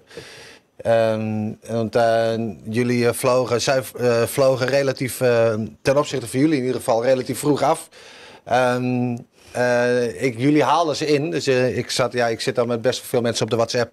Van uh, ja, nou, die hebben we wel, die hebben we wel. we hebben al acht minuten op Duitsers. Zo zaten we een beetje alles door te rekenen. En ehm, tot zes minuten voor de of zes kilometer voor de finish, denk ik. Inderdaad, op 300 meter op een nulletje. Zit je, dan, zit je dan te rekenen? Wat gaat, wat gaat je door je heen? Nou, bij mij achter de computer, ik zit echt van, nou ja, daar gaan ja, daar gaan de punten. Daar, daar, hier gaat nog een minuut en dan pleuren we, we. Dan pleuren we van het podium. En dan, en dan nog 30 seconden. Wat nou is een buitenlander, weet je wel? Dan, ja, dan, uh, hoe, uh, hoe, doe je dat in, hoe is dat in de cockpit? De, de frustratie is toch enorm? Ja, wel stressvol. Maar tegelijkertijd, weet je hetzelfde punt. Zodra je vliegt, dan ben je gewoon lekker aan het vliegen. En dan kan het wel slecht gaan.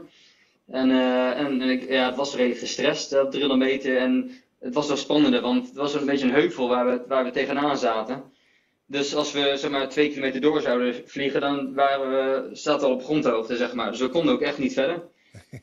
Dus uh, ja, dat is wel, je bent wel gestrest. Alleen, ja, je kan er niet van anders. Je had een nulletje en je hebt niet de uh, hoogte om door te glijden. En Robin over de radio, ja, daar komt hij, daar komt hij. En dan kwam hij toch net niet en dan kom je weer wel. En, het was wel een, uh, ja, als je eenmaal wegvliegt en dat je op final flight zit, dan ga je in één keer denken, ja, even tikken, maar dat heeft wel heel veel tijd gekost. En uh, als ze dat niet hadden gehad, dan was het een goede dag. Maar ja, dan is het voorbij. Hè? Ben je ondertussen, want ik heb toevallig, nou is niet toevallig, die avond even contact met je gehad. Toen zei je van ja, ik kan wel tweede zijn geworden, maar ik baal gewoon echt wel even van vandaag.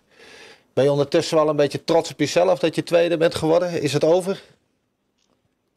Ah, ja, ik, ben, ik ben hartstikke blij met het resultaat.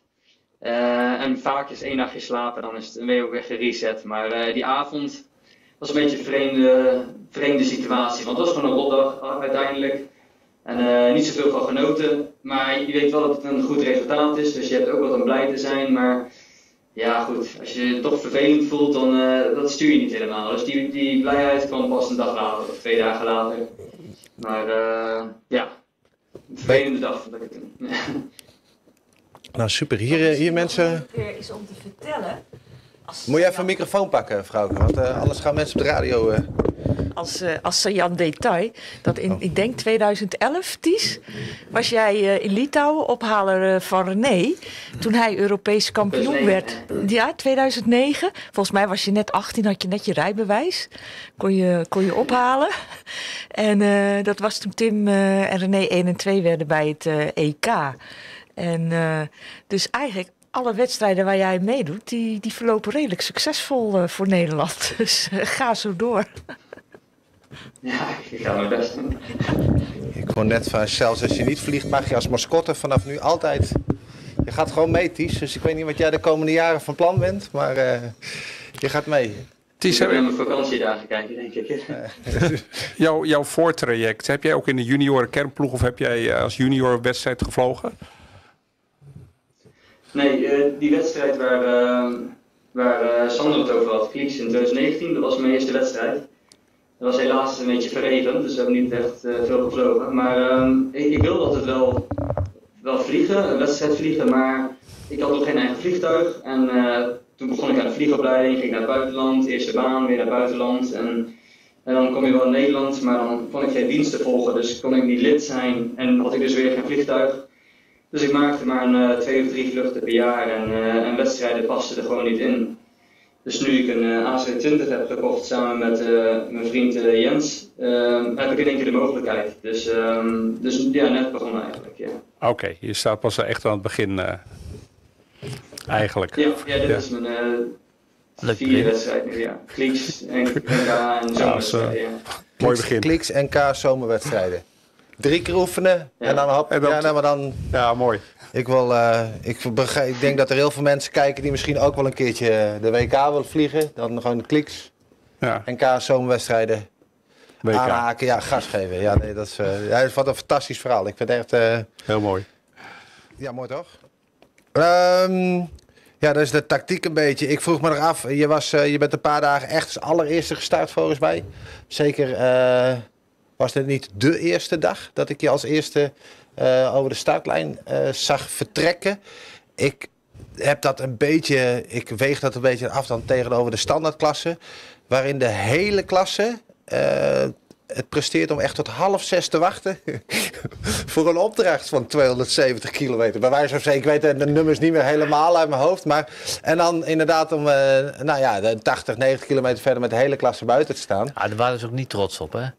Nee, oké, maar da- daar, is, daar is toen ook één iemand eh, vroeg vertrokken, zoals Ties eh, eh, de ballen had om het te doen voor de meute uit. En die is rondgegaan. Die, die krijgt er dan geen punten voor, want zo hebben we het dan ook alweer ja, ja, ja. geregeld in het zweefvliegen. Maar ehm, ehm, Het zelfs geen petje heeft hij gekregen. Dat, dat, geen petje voor de Nee, dagoverwinning. Voor de dagoverwinning. Nee, dat was gewoon nul punten. Jammer. Maar ik vind eh, dat, eh, ja, ik weet niet, er zit niet echt een vraag in. Maar meer en, eh, dat, het, dat het bij mij een hele hoop respect oogst, zoals Ties, hoe die vliegt. Om ook gewoon te kunnen zeggen van, nou ja, als ik als eerste vertrek, grote kans dat ik wat ingehaald. Maar volgens mij, het is nu zo laat, ik moet zoveel kilometer. En de zon die staat zo hoog, dus laat ik maar gewoon starten. En dat je dan inderdaad die eerste dag eh, wint. Ehm, ja, ik vond het mooi. Ben jij dan gevoelig voor de standaard of wat de groep doet? Eh, want ja, er staan achter de startlijn hangen er. Hoeveel zaten er in de klasse? Een man of 35? 36, ja. De 36. eh, die kijken naar hoe jij gaat. En in principe ben je gewoon... eh, ja, ben je, ben je prooidier. Word je, word je opgegeten door de massa. Hoe, Ja, ik, ik denk niet dat, dat dat me heel erg dwars zat. Het was de eerste dag en wat ik al zei, ik was best wel beetje gestrest over het WK. Dus ik was een beetje bang dat ik na één steek buiten zou staan of dat ik laatste zou worden. En ik dacht, ja, een beetje, een beetje nerveus. Dus ik dacht gewoon, de eerste dag ga ik gewoon vliegen en dan, ga dan let ik niet te veel op. En het weer was gewoon duidelijk eh, dat, het, dat het niet lang goed zou blijven. En eh, we zijn wel met een derde van de, de groep gestart. Misschien is het wel grappig, want ik vloog de hele vlucht rond met best wel wat stress. En, eh, en dan het laatste keerpunt zag ik dat het laatste been er niet zo mooi uitzag. En eh, een beetje onprettig. Het, laatste stuk was normaal wel thermisch niet zo goed. Eh, het was ook aan het eind van de dag en hing er ook een, een scherm over. Een beetje stationair, zo'n schaduw over het laatste been. Dus ik wilde wat afwijken, eh, even wat, wat zoeken om aan het laatste been een beetje goed te kunnen beginnen. Dus ik vond best wel ver van koers wat matig stijgen. En toen zag ik al die mensen aankomen die met ons samen gestart waren. En iedereen vloog langs me zo. En, en toen begon ik me weer zorgen te maken, want ik dacht, waarom komt er niemand bij mij draaien? Dus eh, ik heb zelfs mijn flying competitiemode heb ik, eh, weer, weer uitgezet. Dat iedereen me kon zien. Ik denk, ik moest even die bevestiging, zeg maar, dat iemand bij me zou kunnen komen. Ja. Maar eh, in ieder geval, dus ik draaide de techniekbel uit, het golf gevonden en uiteindelijk kwam ik binnen. En ik was zo blij dat ik het niet had opgekloot. En, en, en Ger die zei over de radio, goed zo jongen. Dus ik dacht, nou, hij hem ook niet teleurgesteld. En ik was geland en zo gestrest, de kap open. En toen kwam de omi aan met een glimlach. En die zei, uh, toen zei ik tegen haar van, ah, eerste WK-dag, ik, ik ben niet laatste denk ik. En uh, ik was zo, en toen zei ze tegen mij van, uh, je bent de enige, er is nog niemand binnen. Dus ik was zo gestrest dat ik, dat ik laatste zou worden, dat ik niet door had. Dat ik op een leeg vliegveld was geland en dat ik nog niemand op de radio had gehoord van de finishsequentie. Dus, dus, dus die stress die houdt me wel bezig, ja. En toen krijg je ook nog zo'n mooie interview, mevrouw. Waar je trouwens volgens mij hartstikke rustig Ja. oogde hoor. Dus eh, Ja, dat was het punt. De omi die zei, net van, eh, eh, zei dat net. Dus ik werd helemaal euforisch en blij. En toen kwamen ze in één keer met de camera aan en ik had mijn shoe nog om. En dan zit je midden in de emotie. Dus, eh, dus ik alles weer proberen te dempen, want ik wilde wel een beetje cool op de camera overkomen. Maar ik stond echt, eh, was helemaal enthousiast. ja, nou, ik, denk dat, eh, ik denk dat we er allemaal van genoten hebben. Dat hebben we ook al gezien op Facebook.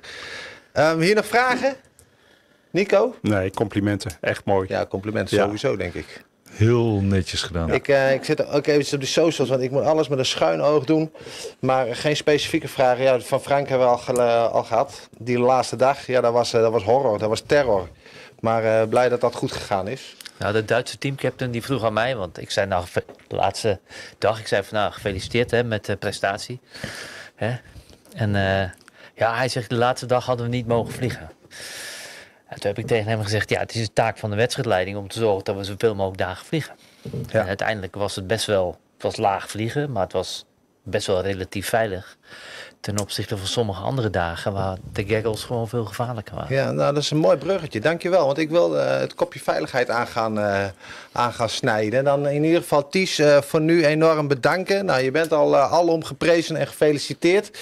Uh, bij jou Ja, is het bedankt. Twee uur later en jij moet straks weer uh, aan het werk.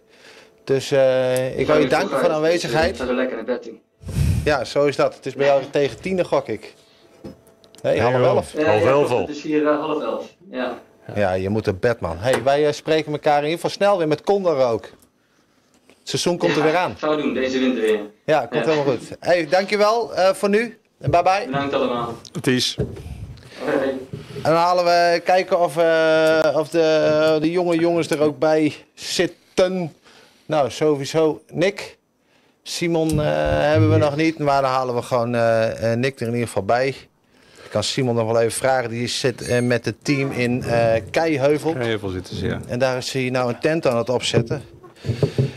Um, ik vraag wel even of hij bij komt. Want wat mij natuurlijk opviel, en dat kwam door een quoteje van um, Kava. Jullie mogen Sebastian zeggen, maar uh, voor, noem hem gewoon Kava. De, is dat hij zei, uh, die krijgen ook zo'n interviewtje na de tijd. En toen zei die mevrouw van, heb je nog tips voor in het blauwe vliegen? En toen zei Kava, ja, dit moeten we nooit meer doen. Dit uh, in het blauw met zulke slechte condities, dat moeten we eigenlijk, uh, dat moeten we eigenlijk niet willen uh, in, de, ja, in, in het wedstrijd vliegen. En um, nou, daar hebben we een aantal, een aantal jongeren natuurlijk, die er misschien wat onbevangener in staan. Alhoewel daar ook een mid-air was. En dan hoorde ik hier in Frankrijk een mid-air. Dat als hij en toen zat ik steeds meer te denken uh, van richting de veiligheid. En vooral aan Hadrian, omdat hij er hier is als, uh, als, als vlieger. Hoe sta, je daar, hoe sta je daarin? Want je gaat maar mee en gaat maar mee. En ja, je moet vliegen of er is een vliegdag. Dus, maar er zit er ergens een grens in dat je... Ja, er gaan heel veel mensen verongelukken ook. Dat is niet heel veel. Alleen, ja, waar ligt de grens van wat wij met z'n allen in het, uh, in het wedstrijd vliegen acceptabel vinden? Ja, nou, dit, uh, deze wedstrijd, ook gezien de marginale condities uh, waaronder we af en toe moesten vliegen met minimale thermiek en dergelijke, ja, kenmerkte zich wel tot, uh, ja, je werd een expert in het formatievliegen, om zo maar te zeggen. En wat mij dan verbaast, ja, ik kijk dan naar mezelf van, van hé hey jongens, uh, valt me wat, wat op. En uh, mij viel onder andere op dat heel veel mensen toch wel strak naar binnen blijven kijken. Ja. Ja, ik ben altijd van, van naar buiten kijken en dergelijke. En dan zie je dus mensen onder je in een bel invoegen. En, niet eens naar boven kijken uh, tijdens het optrekken of wat dan ook. Maar gewoon stijf naar hun instrumenten. En af en toe een beetje links rechts over hun schouder kijken. En uh, tot aan uh, ja, een stukje dat we wel eindelijk een keertje konden racen. Uh, dat was noord van Iserdun. Dat we onder Wolkenstraat vliegen. Dat ik samen met een Duitser opvloog.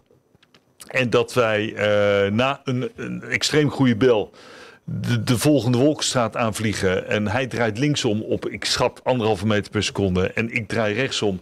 Ik heb denk ik 2,5, 3 meter. En hij heeft mij nooit weg zien klimmen. Nee. En ik zit gewoon een minuut later, zit ik 300 meter boven hem. En zei, hoe bestaat dat in dit circuit? En dergelijke. Dat, dat kan door spanning zijn en dergelijke. Ja. Nou, we kennen allemaal wel een aantal vliegers bij ons. Ja, die die eh, zijn ook wel bekend in het circuit. Dat die strak alleen maar op hun instrumentjes kijken. De, dus, eh, en, en eh, dat, dat, die kwamen nu ook weer bovendrijven. eh, gezien de incidenten. Het incident waar je het over had, inderdaad, de, de mid-air. Dus ja, de touché. Nou, het was eigenlijk wel echt een mid-air. Dus die... die Ja, raken is raken. Is ja, met ja dammen, die Spanjaard die, die heeft echt geluk gehad inderdaad dat die Stabelo eraan is blijven zitten. Maar die heeft die LS8 van de Amerikaan goed geraakt. En, en op de vleugel. En dat was in de trainingsweek. En, en dat is ook weer zo'n punt van, eh, ja, je voegt je in in de bel, je draait binnendoor. En ja, je dient je aan te passen en toch wel aan de anderen. Ja. En je ziet toch eh, mensen dan binnendoor draaien terwijl het niet kan. Nou, nou dat, met het, dat, het gebeurt dus nog altijd. Eh, Dat, is, eh, dat, dat, Ja. dat blijft heel erg bijzonder. Ik heb ook de Robert van Maaschalkewits een veiligheidsbriefing. Dat was ergens in het begin van de wedstrijd. Dat hij daar heel erg lang mee bezig is geweest met hoe haal je elkaar in en wat doe je. Me. En dan, ik zit er alleen maar naar te kijken en denk van ja, jeetje, dit is, het, dit is de WK.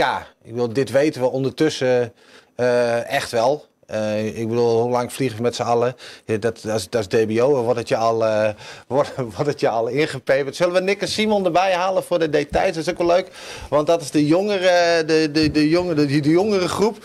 Eh, denk ik van ja, zit er, zit er zometeen, daar wil ik, ben ik op zoek naar, zit er een wezenlijk verschil in hoe de, de, de generaties ermee omgaan? En zit er dus ook verandering in? Zit er in de, in de toekomst, gaan we naar een, naar, naar een, een, een veiligere cultuur? En dat zit dus denk ik ingaand op ja, wat jij zegt, ook vooral in hoe vlieg jij? Dat is je eigen denken, zeg maar. Hoe, Ja. hoe stel jij je op ten opzichte van een ander? Kun jij, dat is dan wel de volgende vraag, is van kun je wel winnen als jij je dus denkt aan een ander? Vrouwke, jij, wou, jij zei van ma- geef mij een microfoon. Misschien als, je, als iemand pauze wil, Nico of Gert of Ger of zo, dan eh, en, en Vrouwke die wil hier heel erg tegenaan. Dan, eh, kijk, dan eh, gaat, eh gaat Ger heel eventjes eh, op de pauze. Ja, ik ben heel erg benieuwd naar Nou, de wat- mening van, wat- van eh, Simon en Nick. Want eh, Ja, maar Vrouwke zit al de hele tijd te zwaaien. Nou dus ja, ik heb Vrouwke aanleiding tussendoor. van, nog naar aanleiding van, eh, van, van, van de mid-air in Montluçon. Eh, en dat is waar we tegenaan zitten te hikken. Ehm, het, het, het was ook een, een, een, een kwestie van ervaring van de betrokken vlieger. Het was iemand die had twee nationalen gevlogen in een land waar het wedstrijdvliegen niet, niet eh, actueel is. Zeg maar, dat- ze hebben daar 40 wedstrijdvliegers. Ja, En die een meneer, Amerikaan dus. Nee, nee, de Spanjaard. De Spanjaard. En oh. ja, de met, Ventus 1. met, met 500. Maakt er niet uit. Maakt niet uit. Nee, dat maakt niet uit, Met, maar, eh, eh, ja. Maar met, Ties uit drie, vliegen, drie wedstrijden. precies. Ja. Maar Moeten met, we die thuis laten? maar met, vijf, Nee, ja. Met- Nee, eens. maar ga, sorry hoor, ga door. met 500 vlieguren. eh, de man was gepensioneerd en die dacht van nou, ik ga als vrije tijdsbesteding ga ik WK's vliegen. Ja, en dan kom je met die ervaring Oh ja. in dit wedstrijdveld. En eh, volgens de currency-eisen mocht hij meedoen. Maar hij was al, tenminste, ik had hem al gespot. Ik denk, nou, die moet ik even goed in de gaten houden. Want die moet misschien een extra briefing krijgen. Ja, het, het klinkt stom. Eh, maar dat is iets waar, waar we nu als IGC dan wel gaan, naar gaan kijken. Want we hebben ook een veiligheidscommissie, net als elk land een veiligheidscommissie heeft. Van hoe kunnen we dat tackelen? En we willen dus ook niet dat junioren, die soms ook nog niet voldoen aan die currency-eisen, maar wel heel anders zijn opgegroeid, die, die ook Nee, veel Het is niet alleen zijn. currency, ik denk dat het eerder een mentaliteit is. eh. Ja, maar, maar dat is wel iets waar we tegenaan lopen. Van, eh, we hebben Chinezen gehad in, in Benella. Nou, die, die, die, die hebben er gewoon uitgehaald. Die Ja. vlogen. Dus Wilde ik het Heel woord lastig. geven aan Simon. Nou, wat we Nick net hadden, dan laat ik met Simon beginnen, want die heeft zijn tent staan zo te zien. Ik denk dat de Thaise masseuses die komen zo meteen in busladingen die kant op om jullie fijn te kneden. Ehm, ook eventjes voor de mensen die eh, niet heel erg bekend zijn met wedstrijdvliegen, laat staan op het hoge niveau. Wat, in, eh, in, in veiligheid, wat, wat zijn, wat zijn hebben, hebben jullie daar extra eh, trainingen in? Waar let je op? Wat, wat, wat, is, nou, eh, wat is het ander, anders in veiligheid anders dan het normale rondje rond de kerk? Nou, wat natuurlijk een groot verschil is, eh, trouwens allereerst leuk dat jullie, eh, dat jullie dit doen. leuk initiatief en leuk om een beetje te volgen. Ik zit op Keiheuvel in België voor een wedstrijd. En ik zie ook hier en daar wat mensen kijken naar, naar de livestream. Dus dat allereerst, heel leuk. Ja, en dan veiligheid. Ehm, wij vlogen in, in Litouwen met zo'n 40 andere kisten, 40 tot 50 andere kisten. Ja, dat is het grote verschil met, ehm, met het rondje om de kerk. Hè? Dus eh, de landing en het starten, ja, dat is allemaal uh, zoals je dat normaal ook ziet. Maar die andere kisten, dat is iets waar je rekening mee moet houden. En soms heb je het ook niet helemaal, uh, heb je het ook niet helemaal in eigen hand. Dus we hebben voor, um, ja, voor de startlijn hang soms met 40 mensen dus in één bel. En ja, dan zit iemand achter je, iemand voor je, mensen boven je die je niet kan zien. En dan moet je dus ook echt op andere mensen vertrouwen of het wel goed gaat. En dat is soms wel eens eng. En uh, is wel een groot verschil met het rondje in ieder geval. Wat ik, uh, wat ik me afvroeg, zowel voor de senioren als voor de junioren. Hebben jullie training gehad dat je bij jezelf herkent dat je op het moment dat je het mes tussen je tanden zet, dus dat je aan de marges gaat knabbelen om maar te kunnen presteren? En kijk, Adriaan met heel veel ervaring. Herkennen jullie dat bij jezelf van hé, hey, nu moet ik even op gaan passen? Ik weet nog namelijk dat ik dat. Uh, ik, ben geen topvlieger, maar ik heb wel nationale gevlogen. Dat ik denk, hé, hey, uh, nu ga je aan je eigen marges knabbelen. Herkennen jullie dat bij jezelf? Dat je denkt, hé, hey, of heb je daar training in gehad? Nou, ik denk dat uh, het, het hapert soms een beetje. Dus misschien heb ik wat vertraging. Maar ik kan me voorstellen dat elke vlieger dat, dat wel eens heeft. Ik, merk, ik weet dat ik in, in mijn begintijd ook wel eens heb gedacht van... Hm, nu neem ik misschien wel iets te, iets te veel risico. Um, aan de andere kant denk ik dat de ploeg die wij nu hebben, de junior kernploeg zoals wij het hebben, hebben natuurlijk ook onze dingen gezien. Hè? We herinneren ons allemaal nog uh, vorig jaar. Ik denk dat uh, wij stonden er allemaal vrij dichtbij en hebben dat ook meegenomen. Tijdens de wedstrijd uh, was dat een jaar terug. Um, dus het zijn dingen die je vormen en die je langzaamaan een, een sterkere vlieger maken, zou ik zeggen. Maar ja, ook tijdens de wedstrijd, soms ben je in discussie met, uh, ook met mensen op de grond. Wij hadden ook dingen waarvan zeiden, ja, ik, het voelt voor mij wel veilig, maar wat, uh, hoe, hoe kijken ze op de grond tegenaan? Dus ja, het is een beetje een proces en ook een proces met, samen met de wedstrijdleiding. Niet alleen maar wat je zelf doet. Um, en wat belangrijk is, is uh, goede mensen om je heen, denk ik. Zeker in het geval van de junioren. Wij hebben gelukkig goede begeleiding met Alex en Annemiek. Maar ook een goede ophaler, als mensen met meer ervaring, dat is altijd handig. Ja, duidelijk. En, en, en, en kom jij, dan vraag ik hem eventjes aan Nick, omdat hij er ook bij zit. Um, zie jij, kom, kom je dingen tegen? Uh, ben je nou bij het EK bijvoorbeeld dingen tegengekomen dat je zegt van, goh, daar moeten we echt eens een keertje naar kijken hoor. Dit zo, uh, zijn er nog precies, nou, zijn er nog situaties, dingen die we normaal vinden met z'n allen waarvan jij zegt van, nou, zullen we daar eens naar kijken? Nou ja, het was wel, het was wel erg interessant. Um, in, het, in het begin uh, hadden we met het hele team eigenlijk een beetje het idee dat iedereen echt met het mes tussen zijn tanden aan het vliegen was. En uh, vaak in bellen werd het toch nog niet helemaal netjes gedraaid.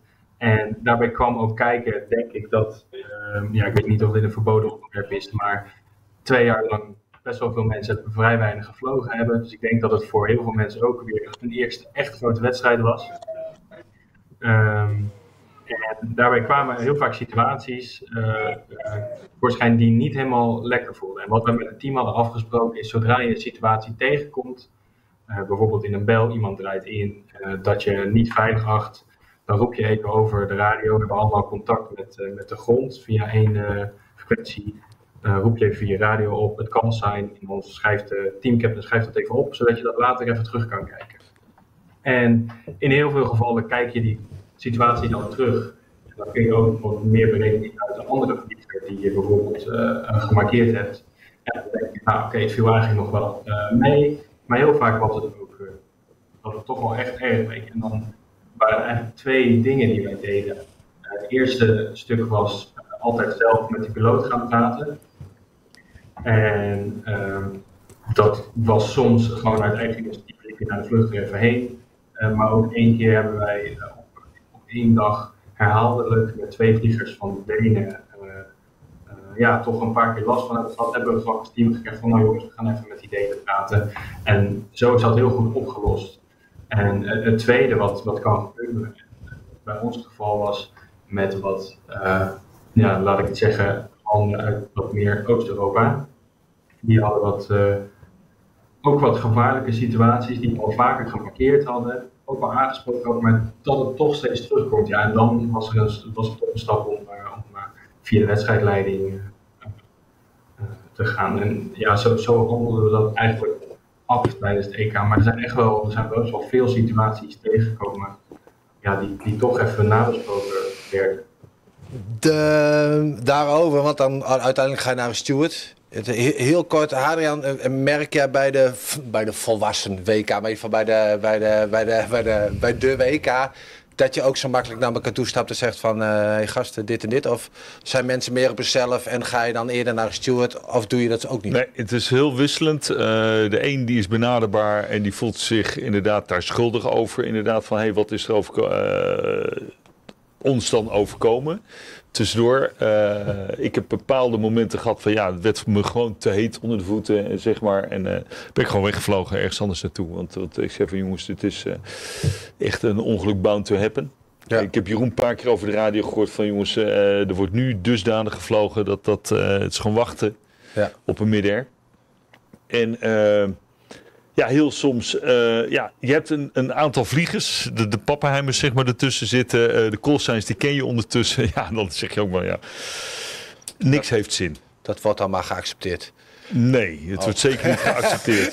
Nee, het was zelfs zo erg in één geval. Inderdaad hebben we de teamcaptain op aangesproken.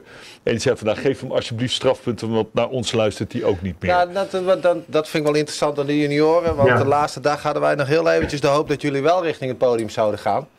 Want eh, ik dacht dat er nog een Engelsman wat punten aangenaaid zouden worden, omdat hij de wolken in is gegaan. Want daar is, eh, daar is niks meer uitgekomen. Daar heb ik eigenlijk niks meer over gehoord. Hoe is dat afgelopen? Nou, ik denk dat ja, Simon en ik was wel toevallig, we, waren, we hebben het alle twee, eh, twee gezien. Dat er een Engelsman, en het was op dit moment, dat moment nog niet duidelijk welke Engelsman dat was. Want die hadden allebei hetzelfde vliegtuig, vrij gelijk call eh, uit de wolken kwam, uit ons oogpunt. Maar ja, weet je, wij zaten allemaal een stukje lager.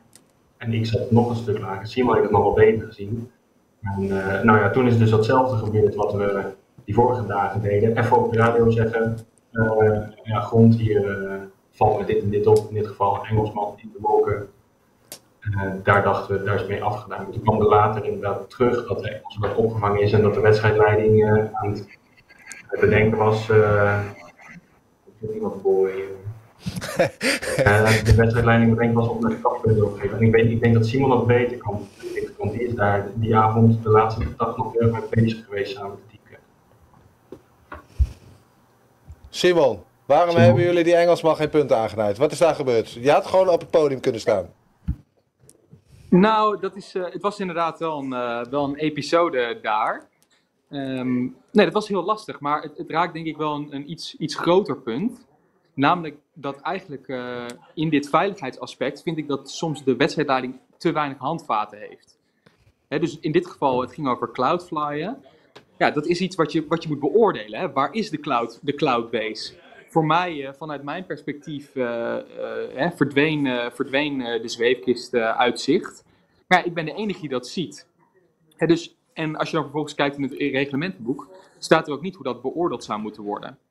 Nou, verder, eh, ik kijk graag eh, Formule 1 bijvoorbeeld. Daar heb je ook situaties waarbij soms een inhaalactie net wel of niet over de scheef is.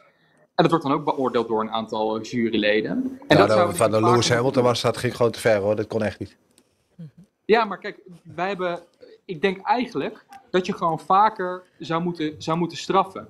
Bij ons, eh, eh, in onze wedstrijd, als ik jullie daarmee eh, in mag meenemen. Wij kregen vrij gauw die mid-air natuurlijk. op dag, eigenlijk op dag 2. En vanaf dat moment zei de wedstrijdleiding. En nu heeft iedereen een waarschuwing. En ehm, krijgt iedereen direct een straf. Dus iedereen heeft nu een officiële waarschuwing. En we gaan door op, op straffen. Nou, later in de wedstrijd zijn er toch een aantal dingen gebeurd waarvan de wedstrijdleiding ook zei, hm, dit is misschien niet helemaal goed. We hebben toen ook van de steward een, eh, ja, een mooi systeem gezien, wat automatisch bekijkt welke kisten vaak in de buurt zitten bij andere Oh ja. kisten. Ja, dus kisten die en heel dichtbij mensen zitten en vaak die, eh, eh, waar, weet dat vaak voorkomt. Ja, en die liet een paar gevallen zien waar kisten soms 4, 5 meter van uit elkaar zaten. Ook een kist die bij mij op die manier invoegde. Maar daar konden ze vervolgens niks mee. Ondanks dat er al wedstrijden, of ondanks dat al die waarschuwing er was, kon er geen punt gegeven worden. Ja. Ja, en dan merk je toch dat eh, bij die jongens, en eh, ik merkte dat bij mezelf ook wel, dat je dan denkt, nou ja, als dit dan kan, als dit is wat we accepteren, ja, dan gaan we op die manier maar, eh, maar punten halen. En dat zie je toch bij, eh, bij andere mensen. En dus zou het wijs zijn, denk ik, als je als wedstrijdleiding meer, eh, eigenlijk zou je als, als piloot gewoon alles moeten melden. Alles wat je ziet, alles waarvan je denkt, hm, dit is misschien niet helemaal in orde, zou je moeten melden. Ja, en dan zouden de, de stewards en de, en de wedstrijdleiding. eh daar Nou, we hebben, we, we hebben hier iemand zitten, Simon, die gaat erover. Vrouwke. Ja, ik sta te popelen om hier wat over te zeggen. Ja, dan moet je gewoon inbreken. Het is, gaat eh, gewoon door. nee, nee. nee, maar het is, het is, het is, eh, het is heel herkenbaar. Ehm, ehm, het proces wat Nick vertelde, dat is eigenlijk eh, van... Kijk, we vliegen allemaal en soms heb je wel eens even dat je denkt... Oeh, dat is toch dichterbij dan ik gedacht had. Dan ga je met de vliegers praten en dan zeg je sorry. Maar op een gegeven moment weet je ook, er zijn bepaalde vliegers waarbij je dat vaker hebt. En, ehm, en vroeger konden we er eigenlijk niks mee. Want ja, eh, wat dat blijkt ook, als je een vriendje was van iemand, dan werd je niet gemeld. Maar als je dus eh, de vijand was, dan kreeg je allerlei eh, subjectieve eh, meldingen binnen. Dus ja, dat was voor de stewards en de wedstrijdleiding heel lastig om, om daar wat mee te doen. Wat jij noemde, dat is de Proximity Analyze Tool, de PAT. Dat, dat hebben de, de Australiërs gemaakt. En die hebben wij ook gebruikt. Ehm, dan gooi je alle logfiles bij elkaar en die gaat dan een hele avond gaat die, eh, analyseren. En alles eh, met een bubbel, kun je instellen 20, 30, 40 meter uit elkaar. Eh, en dan krijg je allerlei signalen van dan en dan en dan is er een close encounter geweest. Nou, die ga je dan bekijken. Heel vaak zie je dat als je in, in zo'n temiekbel zit, dat, dat mensen wat dichter bij elkaar komen. Maar goed, dan zit je toch nog dat gebeurt. Ehm, maar uiteindelijk, als je dus heel veel gegevens hebt, heel veel data, dan komen toch vliegers, een, een aantal vliegers, die komen bovendrijven, die gemiddeld veel meer close encounters hebben dan de ander.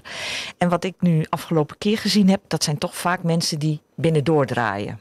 Of eh, die behoorlijk eh, grof de bel eh, binnenkomen, weet je wel. Eventjes voor een andere kist optrekken en dan, wow. Ehm, eh, strafpunten geven we zeker als de aanleiding toe is.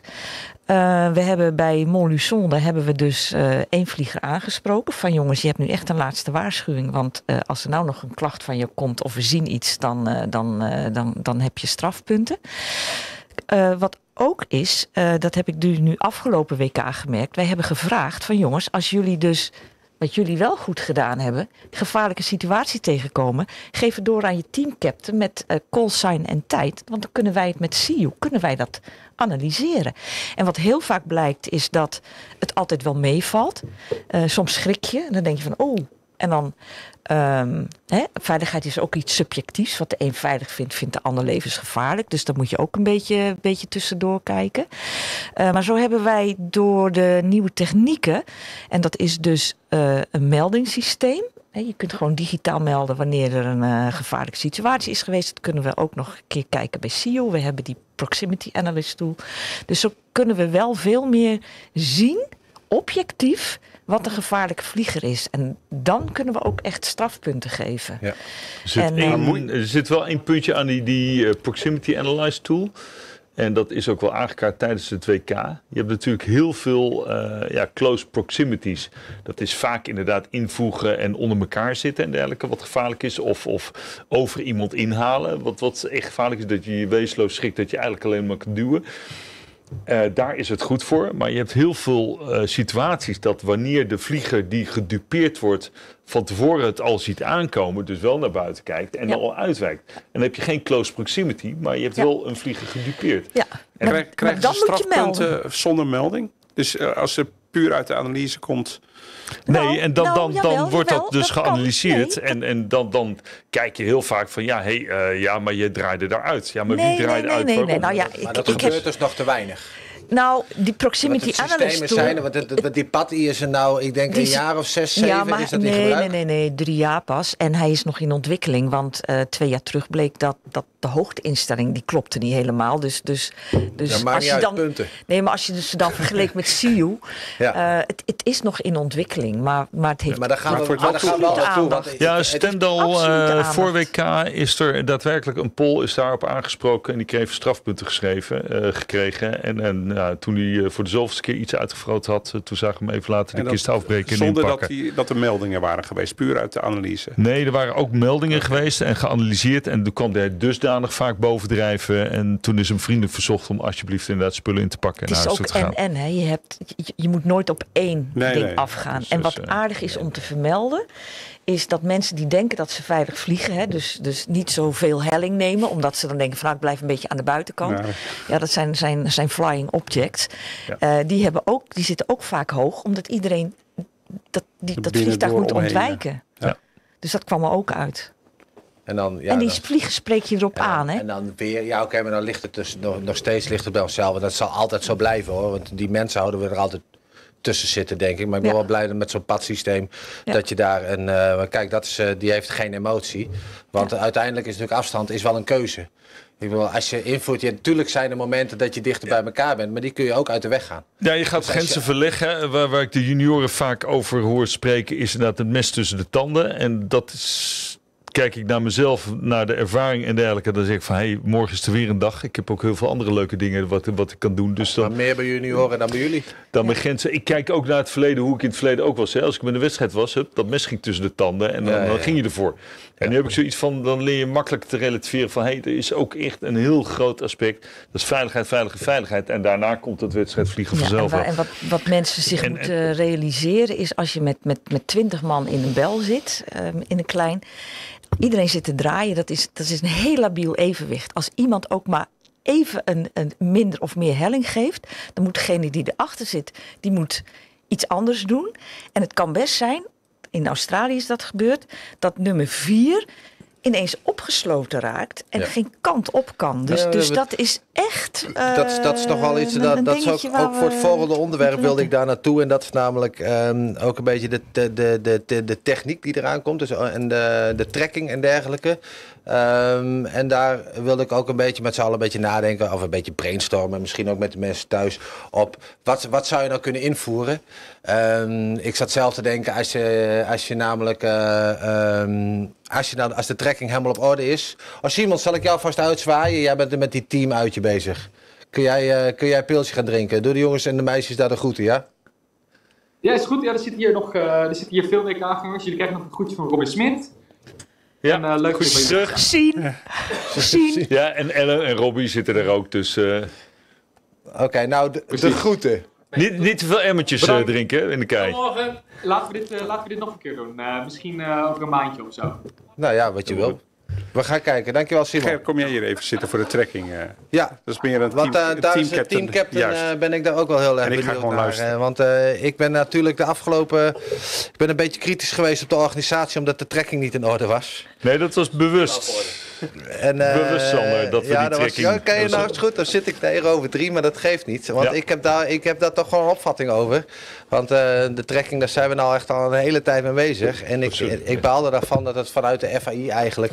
dat er nog steeds geen helder... eh, geen helder besluit ligt van hoe gaan we daar nou mee om, wat gaan we ermee doen. Want het is gewoon eh, de technologie die ons inhaalt. En dan kun je twee dingen doen. Je kan het afweren en het zo lang mogelijk proberen te onderdrukken en, en, en zo, zo min mogelijk mee doen. Of je gaat wel met de technologie bezig. Je gaat kijken hoe je ermee omgaat, zeg maar. En ik denk van nou, dat is wel een leuk onderwerp om een gesprek over te hebben. Ehm, als Jeroen er ook gezellig bij aankomt schuiven. Dan, ehm, dan zat ik te denken van ja, waarom, eh, waarom kunnen we de trekking niet gewoon live maken bijvoorbeeld? Wat is, wat is daarop tegen? Ehm, een van die dingen, een van de analyses... we- zit een puntje Ja, voor zijn stoel. ja. Ik ga kapot gemaakt worden. Nou, Klauw, kom maar. Nee, zal, zal. Een van de dingen die dus uit de score zat, van ja, waarom hebben de Fransen zo slecht gescoord? Dat was, was ook een discussiepuntje bij ons op een gegeven moment in de teamtent. Waarop dus, eh, ik weet niet wie het precies zei, gelijk zei van jongens, we hebben geen live trekking. Dus er kon vanaf de grond kon er niet gezegd worden van... hé, hey, daar draaien ze op 2 meter, daar draaien, nou ja, eh, daar draaien ze op 20 centimeter was het dan... en daar draaien ze op 40 centimeter. Jullie moeten die andere kant op. De- Dus eh, dat punt... Dus je kon niet meer met, met zeg maar eh, live tracking naar andere kisten toe vliegen. Want je hebt natuurlijk wel flarmdisplay en dergelijke. Maar je hebt natuurlijk ook trekking. En die trekking kun je ook in je cockpit hebben. Ja. Die trekking kun je dan ook weer op een extra displaytje hebben. Nou, en Ja. ik ben daar een fel tegenstander van. Van ik wil niet allemaal devices in de gaten moeten houden. Voor en weer en dat en, en, en, en trekking en dat soort dingen. Ik wil gewoon naar buiten kijken. Want dat is het spelletje wat ik leuk Ja, maar vind. wat er nu gebeurt is dat, eh, kijk, die, die, flarm, die flarm hebben wij. Die, die, het signaal wordt uitgezonden. Maar daar Andere- hebben we competitiemode. Ja, dat zeg je, maar dat, dat wordt gewoon gekraakt. Dus er zijn gewoon teams die gewoon alles live kunnen zien. Ondanks dat er een boxje meegaat waar 5, 15 minuten vertraging op zit. Kortom, er wordt op techniek, als je techniek wil remmen, wordt er altijd iets op bedacht waardoor het wel, eh, waardoor het wel gebruikt kan worden. En dus er zijn altijd slimme mensen die hun voordeel eruit halen. Dan zeg ik van, draai dat om. Het is er nou eenmaal. Ik wil vroeger eh, in, de, in, de, in de Formule 1, maar vroeger in het wielrennen, in een, noem het maar in welke sport dan ook. Uh, Hawkeye bij het tennis, eh, het bij, de, bij de hockey waar jij veel mee bezig bent. Het is een gigantische technische de, de, vooruitgang Het- meegemaakt. het is- het is een en, en in het zweefvliegen proberen wij met man en macht het is een vraag alles geweest af te houden. vanuit de, de vliegers, hè? de- de- deze. Want we hadden een stukje geschiedenis. We hadden die Flarm en toen kwam OGN. En toen dachten we echt met z'n allemaal, oh, nou gaan we live tracking doen. Want dat is super. En eh, alles is live. Zeilboten is live. Formule 1 is live. Dus ook het zweefvliegen. Een vervelende bijkomstigheid was dat eh, die, die, die, die informatie die kwam vanuit een veiligheidsdevice. De FLARM, een antibotsingssysteem. Wat gebeurde er? Ze zetten de FLARM uit. Dus het werd minder veilig omdat dat device gebruikt werd als een trackinginstrument. Dus toen, dat was een van de nadelen. Toen bleek dus dat eh, vanuit eh, zeg maar Duitsland de vliegers uh, werden van je moet nu drie kilometer noord, tien kilometer verderop is een goede bel. Nou, dat is het verhaal van Hadriaan wat hij dan, dan ook niet wil. Dus van daaruit is, is toch gevraagd van, we willen, we, kijk, voor de publiek thuis maakt het niet uit als je uh, een goede trekking hebt uh, met 15 minuten vertraging, dan kun je de hele wedstrijd volgen. Je bent en aan het eind, ten op, als, als ze gaan finishen, dan kun je die vertraging minder maken. Maar dat was dus op verzoek van. En ja, we zitten nu in, in zo'n omslag en uh, je zegt van uh, het valt te kraken. Ik, ik, als je alle instellingen van je flarm doet zoals gevraagd wordt, dan uh, is mij verzekerd dat het uh, moeilijk te kraken is.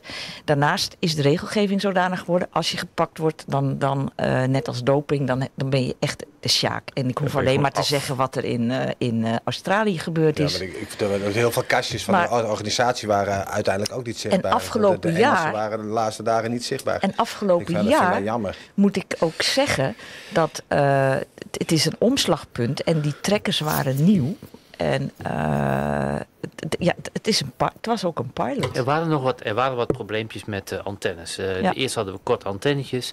Heb je al die koolstofrompen, die staken zo'n stukje boven de rand uit. Hè, want die kap van die JS3. Of braken af. Of braken af. Nou, uiteindelijk kwamen er betere antennetjes. Er zijn ook uh, vliegers geweest. Ja, ik denk dat een derde van de vliegers hun, uh, dat ding niet aan had te staan op de laatste dag. Nou, daar moet je wat, daar moet je wat op vinden. Want de sport moet ook wel uh, interessant en leuk blijven. Alleen op het moment dat je te ver doorgaat in, in dat ontwikkelen en dat je zometeen teams nodig hebt van tien man om alles uh, te begeleiden, ja, dan wordt het uh, duurder en duurder en duurder en duurder. Vliegtuigen worden duurder, dan worden dit soort WK's worden echt extreem duur van alles wat je mee moet nemen.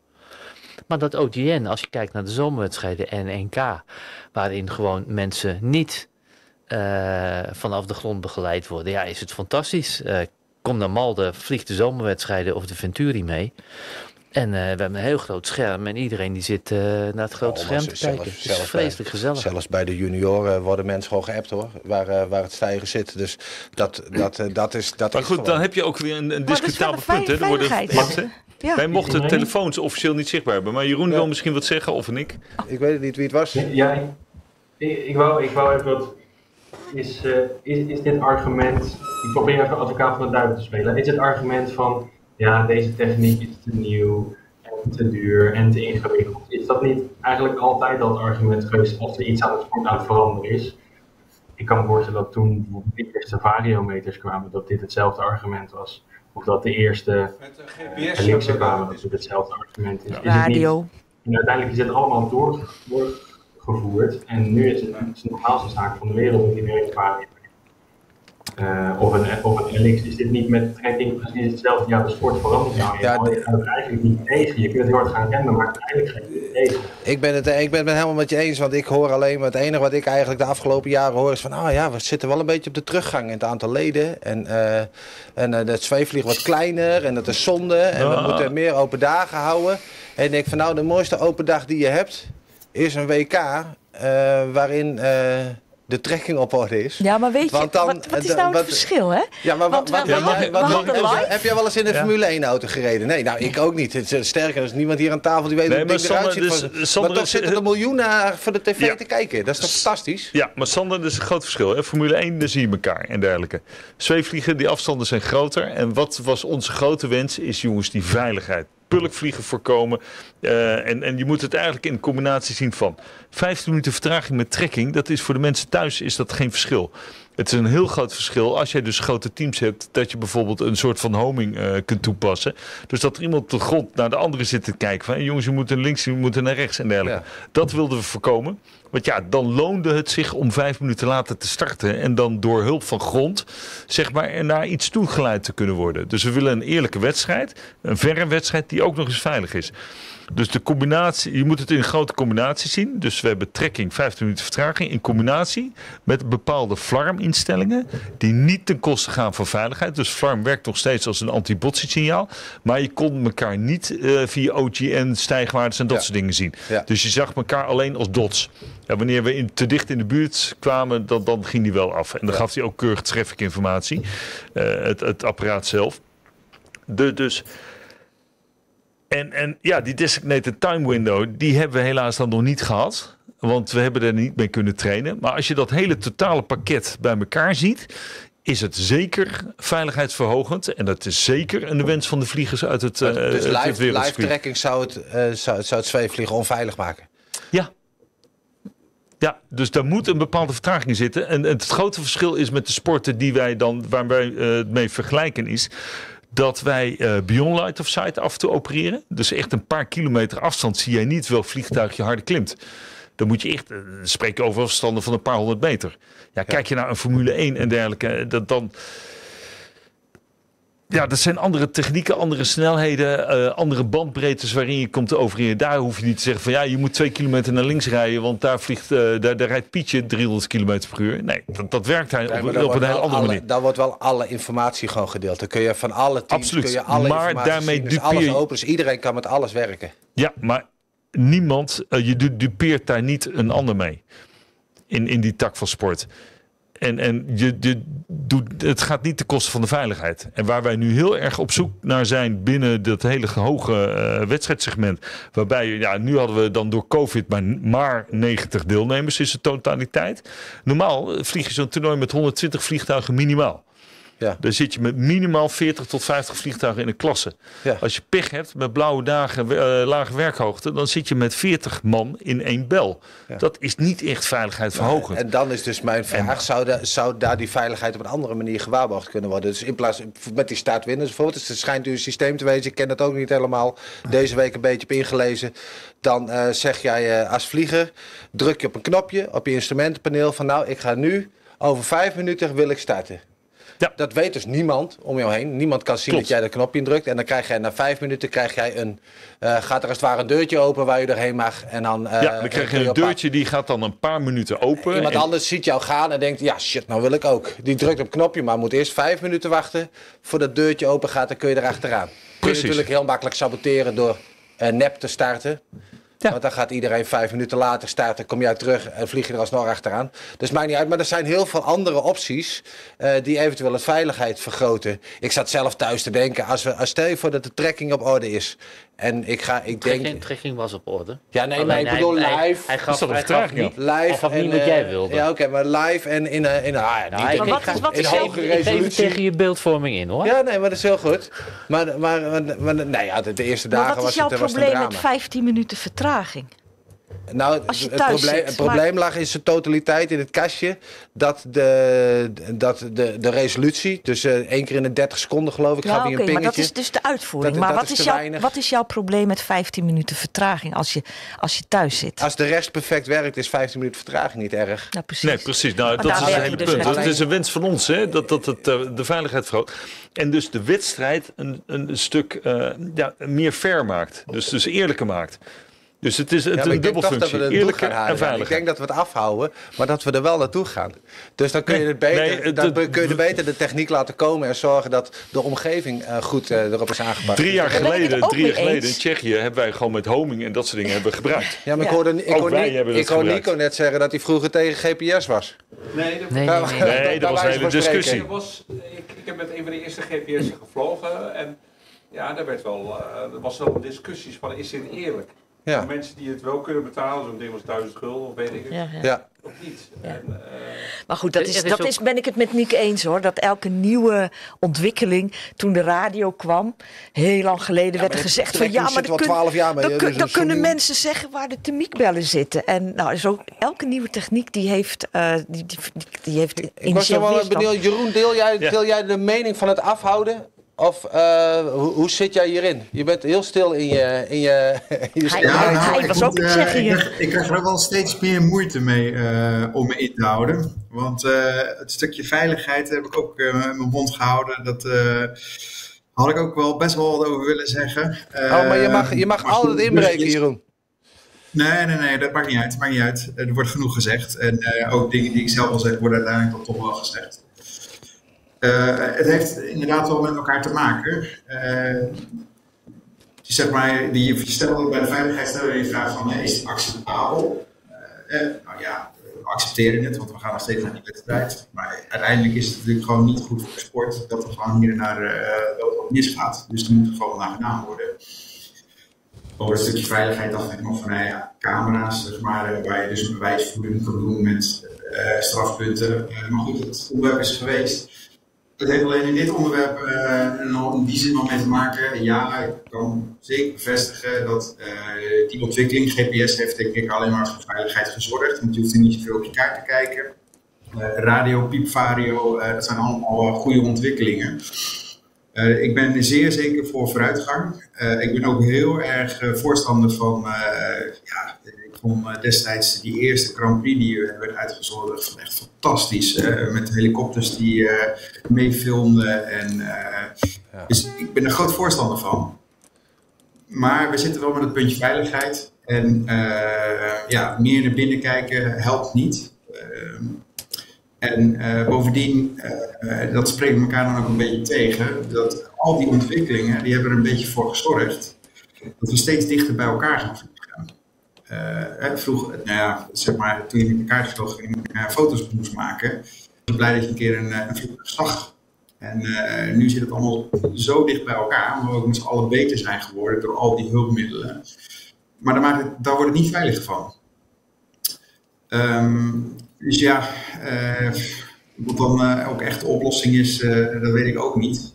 Ehm, die trekking, 15 minuten, eh, het lijkt een goede oplossing. Ik vind het jammer dat eh, heel veel dingen en regels, eh, ik weet niet of het echt zo is, maar het voelt alsof het dan op een WK als eerste wordt geprobeerd. Dat, moet, dat moeten ze eigenlijk anders doen. Dus het systeem moet gewoon eerst een beetje goed lopen en dan pas op een WK presenteren.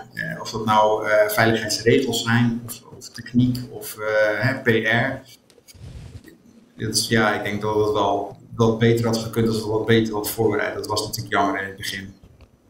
Nou ja, dat- maar goed, Ehm. dat, eh, daar wil ik daar al een klein beetje, daar ben ik iets te fel geweest misschien. Maar dat was omdat mijn eigen en mijn verwachting lag gewoon heel hoog van het WK. Ik denk, nou, nou, nou gaan we naar een eh, tot, in, eh, tot in detail eh, voorbereide wedstrijd kijken waar alles fantastisch is. En dat, dat viel gewoon van huis uit een beetje, een beetje tegen. Jullie waren daar. nee, ik dat het kan ik me helemaal- voorstellen. Want er zit natuurlijk ook, eh, ehm, ja, weet je, gelukkig zijn er stewards bij eh, die dat eh, goed begeleiden. Eh, maar ik kan je ook vertellen dat niet alle stewards daar ook even goed in zijn. Dat je, je zit toch met een, club die zo'n WK moet organiseren. en vergis je ook niet in al die coronamaatregelen. Dat leidt natuurlijk ook ontzettend af. Er komt van alles bij kijken. Ehm, ja, helaas is het uh, niet, uh, geen geoliede machine, Sander. Ik zou het ook graag nee, anders zien. Maar, maar ik had gewoon gehoopt dat ik, dat ik jullie heel goed kon volgen op trekking. En dat was zeker de eerste dagen toen de call signs nog niet ingevuld waren op de, op de, op de getallen ja, daar hebben wij dus ja, echt vanaf het begin hebben gevraagd van zet dat er nou bij. Want ja, maar wij hadden er zelf ook niks aan. Maar je bent dan vanaf het begin al zoveel kijkers kwijt. En ik van nou, dat had toch wel gekund. En dan, en dan, dan, is, en dan is dat voor elkaar. En dan heb je twee verschillende tracking sites. En die ene is uh, Glide en Seek. Die ik het liefst gebruik, omdat je dan ook je baro, uh, baro gegevens en zo erbij hebt. En... Uh, als ik dan kijk naar de, de, de, de trekkers van de organisatie, wederom met alle respect hoeveel glitches daarin zitten, dat je uh, barogramma niet meer uh, bruikbaar zijn omdat vliegtuigen heel eventjes naar 15 kilometer schieten. Waardoor je uh, hoogtes, hoogtes niet meer ziet in het lijntje dat de andere snelheden uitstaan. En denk van, oh, laten we het nou niet allemaal beperken. Maar laten we iets overhouden voor de lol. Want uiteindelijk zijn jullie daar met een aantal vliegers en een hoop crew. Maar het is de rest van de wereld die denk ik vooral heel erg gepassioneerd is en graag mee wil kijken met jullie. En, uh, en ik denk dat daar voor de sport enorm de vooruitgang zit. Maar misschien Jens, die app mij net. Oh, zullen we dat sportpromoten een keertje bewaren voor de volgende keer? Want er zit er wel meer in wat we met z'n allen misschien kunnen bereiken. En Nico zit ook de te, te, te, te, te, zwaaien van ja, ja, we moeten de sport promoten. Maar ik, in mijn, mijn filosofie is dat als het sport promoten begint bij de trekking. Want dan wordt het inzichtelijk en dan... Vrouwke, Vrouwke die is nog eens een keertje naar Enkhuizen. Oh. Vrouwke is nog een keer naar Enkhuizen geweest met allemaal loggetjes van, uh, van Cambridge nog. Ja. Uh, om in zeilbootjes te zetten. En nu, als je naar de uh, Olympische Spelen kijkt, dan zie je de trekking die wij, die Vrouwke daar geïntroduceerd heeft, die zie je nu, nou, twintig jaar later, ja. is dat gemeengoed geworden en is het zeilen veel beter te volgen geworden. Ja. Ja. En daarom moet je ook, daar moet je uh, daar moet je blij zijn met ieder stapje wat je maakt in dit soort ontwikkelingen. En uh, ervan uitgaan uh, dat, en ik, ik heb dat vanuit mijn werk maak ik dat wel mee. Het is heel makkelijk om altijd te zeggen, nou het ging niet goed. Maar je kunt ook zeggen van nou, we hebben weer een stapje gemaakt. Ja. Deze wedstrijd hadden we zo van, potverdorie. Ehm, het was altijd wel een van onze klassen die het net niet helemaal perfect deed. Nou, dat hebben we onmiddellijk werd dat omgedraaid door iemand die zei van... we hebben twee klassen gehad die het hartstikke ja, goed gedaan sorry. hebben. Ja. En volgens mij moet je daar naartoe blijven gaan. Oh, maar dat zit er, ik, ik zit ook al diep in mij zit een enorm positief iemand. Alleen ik had me hierop verheugd en het viel me tegen. Dus toen heb ik dat gezegd. Later heb ik ook tegen vrouw gezegd van... goh, dat live uh, meekijken met de snuffelaar... dat was echt fantastisch. Dat je niet alleen de briefing hebt, niet alleen de opdracht op papier. Je hebt niet alleen het verhaaltje van gisteren dat het morgen waarschijnlijk weer moeilijk weer wordt. Maar je hebt ook even live meekijken. Dat die vario, die, dat je voelt in die cockpit van oh zo'n dag wordt het. Dat je even later met de trekking meekijkt en je hebt dat zeikerige variootje achter in je hoofd van die snuffelaar. Je denkt van oh ze hebben echt een moeilijke dag. Dus, dus daar zit, dus er was uh, multi, uh, er was echt heel veel uh, hele positieve dingen te melden hoor. Alleen uh, ja, de eerste dag, ik denk van nou, als we nou twaalf jaar bezig zijn met iets. En dit is het voor de WK. Ik denk, nou, kom op, lieve mensen. Dat kunnen we toch hopelijk met z'n allen. En dat was niet in de richting het team of iets dergelijks. Maar echt naar de, nou, ik denk ook naar de FI. Om daar een keertje een goed kader op te schrijven. Van zo willen we dat de trekking eruit komt te zien. Ja, maar we, en... we, zijn, we hebben, we, we hadden uh, uh, gemikt op, op die live tracking. Want wij dachten toen echt van nou, dat is het appeltje eitje. Maar toen werden die alarms uitgeschakeld en het effect van live tracking op de hele wedstrijdtactiek, ja. die, die, viel tegen. Dus vandaar dat die 15 minuten vertraging uh, erin kwam. Wat ik nog wel aan toe wil voegen, en daar hebben we het aan het begin over gehad. Je kunt je regels ook zodanig maken dat het niet meer interessant is dat je dat je weet wanneer je eh, tegenstander gestart is. Nou, of als, je zo, hè, dat het minder, minuten, als, je minder, die, als je die vijf minder- minuten al je hebt, kunt ja. een, eh, net zoals bij het wielrennen, kun je zeggen van nou, degene die het eerst bij het eerste keerpunt is, die krijgt gewoon 50, eh, 25 extra punten, bonuspunten Ja, of zo. Dat soort dingen. Maar die regels, die worden dan weer ook weer vaak tegengehouden. Want ja, stel je voor dat je daardoor een wedstrijd verliest. Dus dan zeggen alle piloten van nou, laten we dat maar niet doen, want dat is niet helemaal eerlijk. Dus in dat gremium wordt dat allemaal en, eh, daarvoor, bedacht. en daarvoor ben jij al een keer bij mij gekomen van kunnen we dat in Condor niet een keertje doen? Dat we vanuit de Ja, FAI een ja, grote wedstrijd ja, organiseren.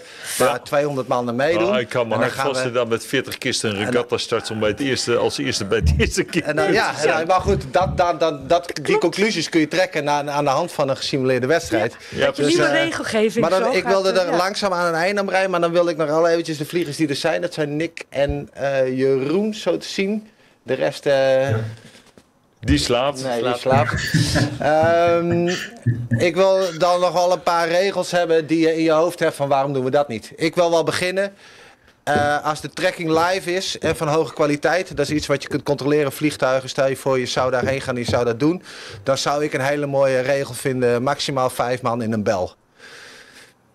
Denk daar maar eens over neer. Dan loont het om vroeg te starten. Maximaal vijf man in een bel. En als je dan nummer 6 bent, wat dan? Zoek je een andere. Ja, maar je, je kan niet tellen. Jawel, want dat Nee, want wordt het- bijgehouden door nee. de trekking. Dus daar heb je gewoon... eh, Ja, maar dan moet je naar binnen kijken. Nee, maakt niet uit. Je krijgt net als je flarm krijg je gewoon een signaaltje van deze is vol, volgende. Ja. O- Of je pakt, eh, als je buitenlanden wil voorkomen, pak je 80 strafpunten. Nou, maar bij wijze van spreken, ja. ja, je kan er heel hard om lachen, maar zo zijn er misschien wel meer opties. Dus Nick, heb jij iets waarvan je zegt van waarom doen we dat eigenlijk niet? Of Jeroen? Ik eet er wel eentje. Ja, go. Ja, eh één vlieger per klasse. Ja, dat is Dus voor elk land één vlieger per klasse. Je, als je zeg maar, eh, want het kwam net even voorbij, eh, Grand Prix vliegen. Ik heb dat een keertje gedaan eh, met de Carterstart. Uh, zeggen van oeh, eh, levensgevaarlijk. Eh, maar ja, maximaal 20 vliegtuigen. Eh, en je ziet dan vaak al wel op de eerste dag dat hij nog een beetje op zoek is. Was dit WK ook. Hè. De meest gevaarlijke situaties zijn aan het begin vaak. Ehm, maar ik vond eigenlijk daarna, eh, en dat iedereen is eh, gewoon eh, lekker eigenwijs. Het is een ander puntentellingssysteem.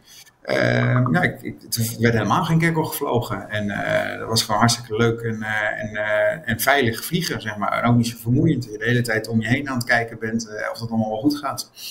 Dus ehm, ja, waarom niet maar één vlieger per klasse? Ja, plus andere regelgeving dus. Ja, dat was de vraag toch? Ja. Ja, dat is dan Ja, een dat- dat- voorstel. Maar goed, Ja. ja. dat is een Grand Prix versus eh, wat wij natuurlijk gewend zijn met het duizend Nee, punten nee, systeem. nee, nee, gewoon. Nee, nee, nee. Eén vlieger per Ons klasse. ouderwetse systeem van WK Ja. vliegen. Je mag zelf eh, kiezen wanneer je over de lijn heen gaat. Eh, maar geen eh, twee vliegers per land, maar maar één. Gewoon dus het totaal van de vliegers kleiner maken. Maar gaat België en Nederland dan niet Ja. eh, samen vliegen? Eh, dat kan, dat is ook niet verboden. Nee. Nee, dat hebben we met de NK ook heel lang tegen proberen te houden. Maar ja, dat werkt ook niet. Nee, maar het, het zou voor ik denk dus Ja, dat maar het zijn er zijn heel veel, voorstellen, eh, ja. ja.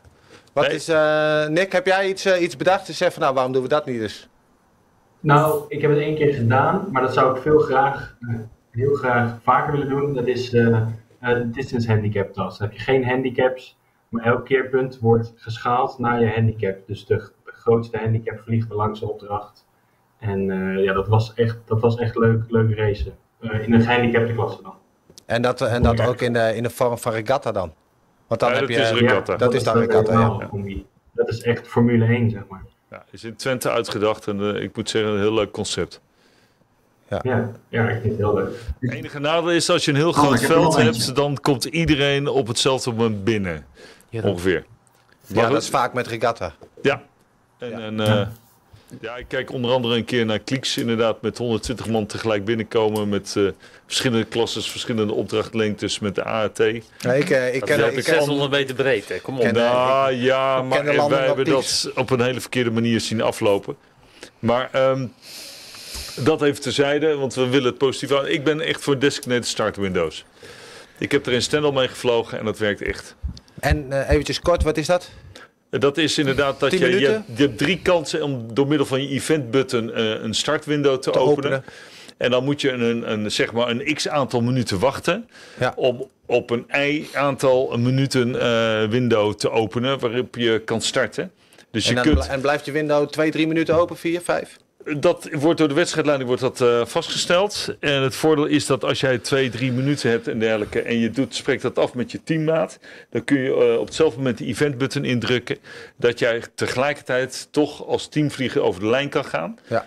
En je hebt drie mogelijkheden. Dus als jij toch eh, misleid bent door een andere... of toch afziet van je startmogelijkheid... kun je weer En terugvliegen en, nog een tweede of een derde de, keer. Dan kan de trekking ook live worden.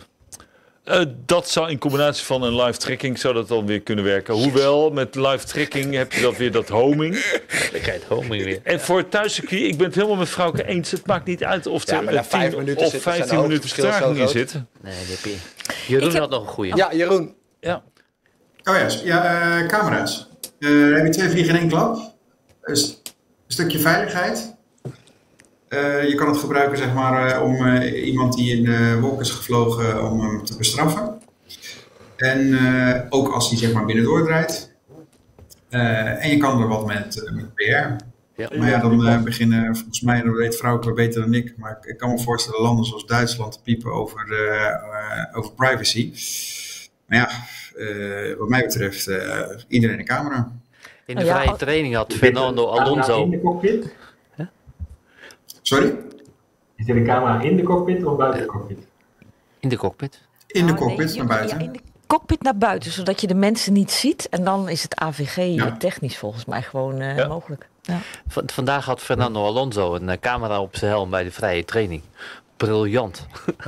Oh ja. Ja, nog maar dat, ja, was op tel, maar de Formule Formule 1. 1 hebben in feite ook overal camera's. Dus eh, ik ben het eh, helemaal mee eens dat kapveiligheid voor Ja, het werken. En ik ben nog op zoek, hè. Van mij van- mag de camera in de staat en eh mogen voor mij overal wel Ja, camera's. Maar, maar als je het hebt over regelgeving. ehm, de regelgeving dwingt de vliegers om geen eh, tactisch risico te nemen. Hè. Dus niet geen veiligheidsrisico, maar geen tactische risico's. Dus bij elkaar blijven. Want als jij iets anders doet dan de rest, dan kan je heel veel punten opleveren. Maar je kan, als, als het mislukt, dan is meteen je hele wedstrijd weg. Dus Ja. dan blijf je bij elkaar.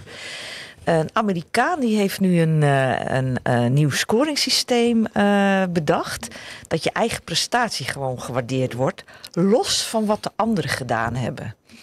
En eh, dat is volgens mij nu aangenomen. En we hopen dat eh, eh, nationale wedstrijden, zeg maar, dat die die scoring gaan uitproberen. Om te kijken van ja, is het effect inderdaad zo als we hopen? En dat dan ook, als we dat kunnen doorvoeren naar de WK's, dat dan dat, dat, dat waiting game voor de start, hè, want niemand durft als eerste weg te gaan. Dat, eh, kijk, dan kun je nog wel verliezen, ik maar een snap er andere dag. helemaal niks van. Nee, maar een andere dag kun je wel weer heel veel winnen. Maar is dat, wordt het dan een jurysport? Nee, Nee. nee, nee. Nee, gewoon niet eh, beoordeeld, objectief. Maar nu worden, er zitten er allerlei factoren in van eh, er moeten zoveel mensen rond. En, eh, Oh ja, en, en, en, oh, dat eh, vind ik ook zo sneu. Dan komt er iemand rond, krijgt hij geen punten. Precies. Ja. Al die dinfactoren, weg ermee. Dus je kan heel Zoals veel winnen, je kan heel veel verliezen. En dat maakt de sport gewoon at- attractiever, Ja. denk ik. En ook eh, dat mensen zich, eh, dat, dat, dat, dat, dat niet iedereen eh, op elkaar zit te wachten. Want dat is, Kun je, dat ja, is door de kun, huidige kun, kun je dat dan, kun, je dat, kun je dat snel uitleggen? Waarom is dat bedacht? Dat als er te weinig rondkomen, dat er dan geen punten in zitten? Dat is omdat het gok. Stel je Ja, voor precies. dat... Nou, weet je, dit is zo'n. Je hebt, je hebt een heel goed puntentellingssysteem, maar dan gebeurt er een keer iets op een wedstrijd en dan vinden een aantal piloten het niet eerlijk dat zij die dag heel veel punten verloren hebben. Dus dan wordt er weer een factor bij verzonnen. Ja, zo. En zo wordt zo'n. Ja, Ja. Dat, en dat is eigenlijk het huidige puntentellingssysteem. Dus, eh, er iemand, iemand daar een leuke regelvoorstel? Ger? Nee. Nee, ja, jij vindt het prima zo. Nee, ik vind het niet prima. Er moeten verbeteringen komen. Nee, daar gaat het maar niet. Het is niet lullig bedoeld. Eh, Maar, eh, maar eh, geen gekke dingen. Nou, je, als je ziet wat, wat de workload is, hè, van, eh, nou, ik ben heel oud, hè, vrouwke is vijf minuten ouder, die is dus nog ouder. Zo. En uh, nee, eh, goed, vroeger gooi je een kaart in je krachtje en zo kon je vliegen. En als je nu ziet wat, wat de workload is van een, van een leerling voor in je, in je vliegtuig, Ja. wat hij allemaal moet kunnen, Ja. eh, met transponders en weet ik het allemaal, het moet ook nog behapbaar zijn. Dus eh, ja, dat, is, dat is volgens mij een heel belangrijk eh, gegeven. Heb ik de allerlaatste vraag die binnenkomt, die is voor Adriaan. En daarna wil ik het afsluiten. En dat is de vraag, waarom wint Kava altijd? Het is, het is net als tegen de Duitsers. Je, je speelt een spelletje en aan het einde wint Kawa. Ja. nee, eh, het is, ten eerste het is een, een, een hele goede vlieger.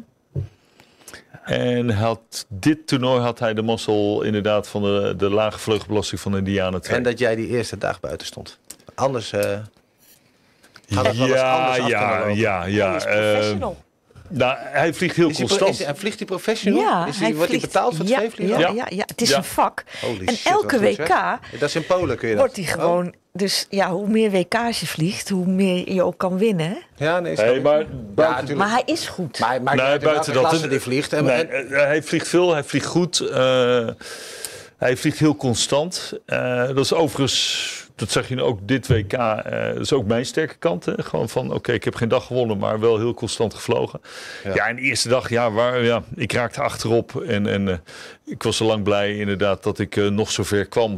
Eh, en, en ja, dan vlieg je terug. En het is de eerste dag en dan zie je op je twintigste plek zie je er terug. En daarna is het alleen maar goed gegaan. ja, ja, ja. Du- Dus, Ja, nou ja. eh, en, en as is verbrande turf. Hè? Dus, dus, ja, eh, nee, dat is ook zo. Dat is ook zo. En je dan kunt er- terugkijken. Ik en ben heel je- tevreden over het resultaat wat wij eh, als team hebben Ja, behaald. op, Eh, de dynamiek dat die we hebben gehad. eh, zijn, denk ik. En, en, en met mijn eigen prestatie. Ja. Weet wel. Nee, Dus- fantastisch. Vierde van de wereld, Hadriaan. Ja, daarom. Dus, Ja. dus eh, ja, daar kun je over gaan huilen. En gaan janken Nee, van nee. wat als, maar eh, Nee, nee, je- naast het podium. Ik zeg alleen maar dat, je dat, dat het hartstikke goed is. En die tweede, er die een tweede hele met de, ma- die ja, zilveren medaille ook al. Dat is toch Die ook. ongelooflijk? Nou, hij is niet voor chocola overigens. Hè? Want Gerdy hield dat iedere keer voor van... Ja, hey, jongens, dan sta je op dat podium voor die chocoladeletter. Ja, is als je er maar lol in hebt. Trouwens, de symboliek van de toren, Ger. Dat Dat is sluiten we dan eh, echt af, hoor. nee, dan gaan we hier dat- Dat de, de regio. De regio, die, eh, die, die, die, die- er staat ergens een toren in de regio.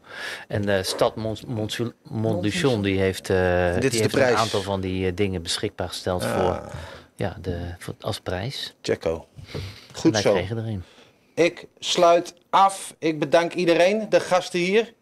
Nico, Vrouwke, Adriaan, Ger en de, de fantastische medewerker van de mensen thuis. Ehm, de KVVL voor de ruimte. Nou, en zo heel veel andere mensen. Eh, we gaan het waarschijnlijk vaker doen. Eh ga je nog een keertje over vergaderen, want ik vind die hartstikke leuk. En dan eh, tot een volgende. Dan moet ik in die camera kijken. Tot morgen. Nee, tot de volgende keer. Fijne avond.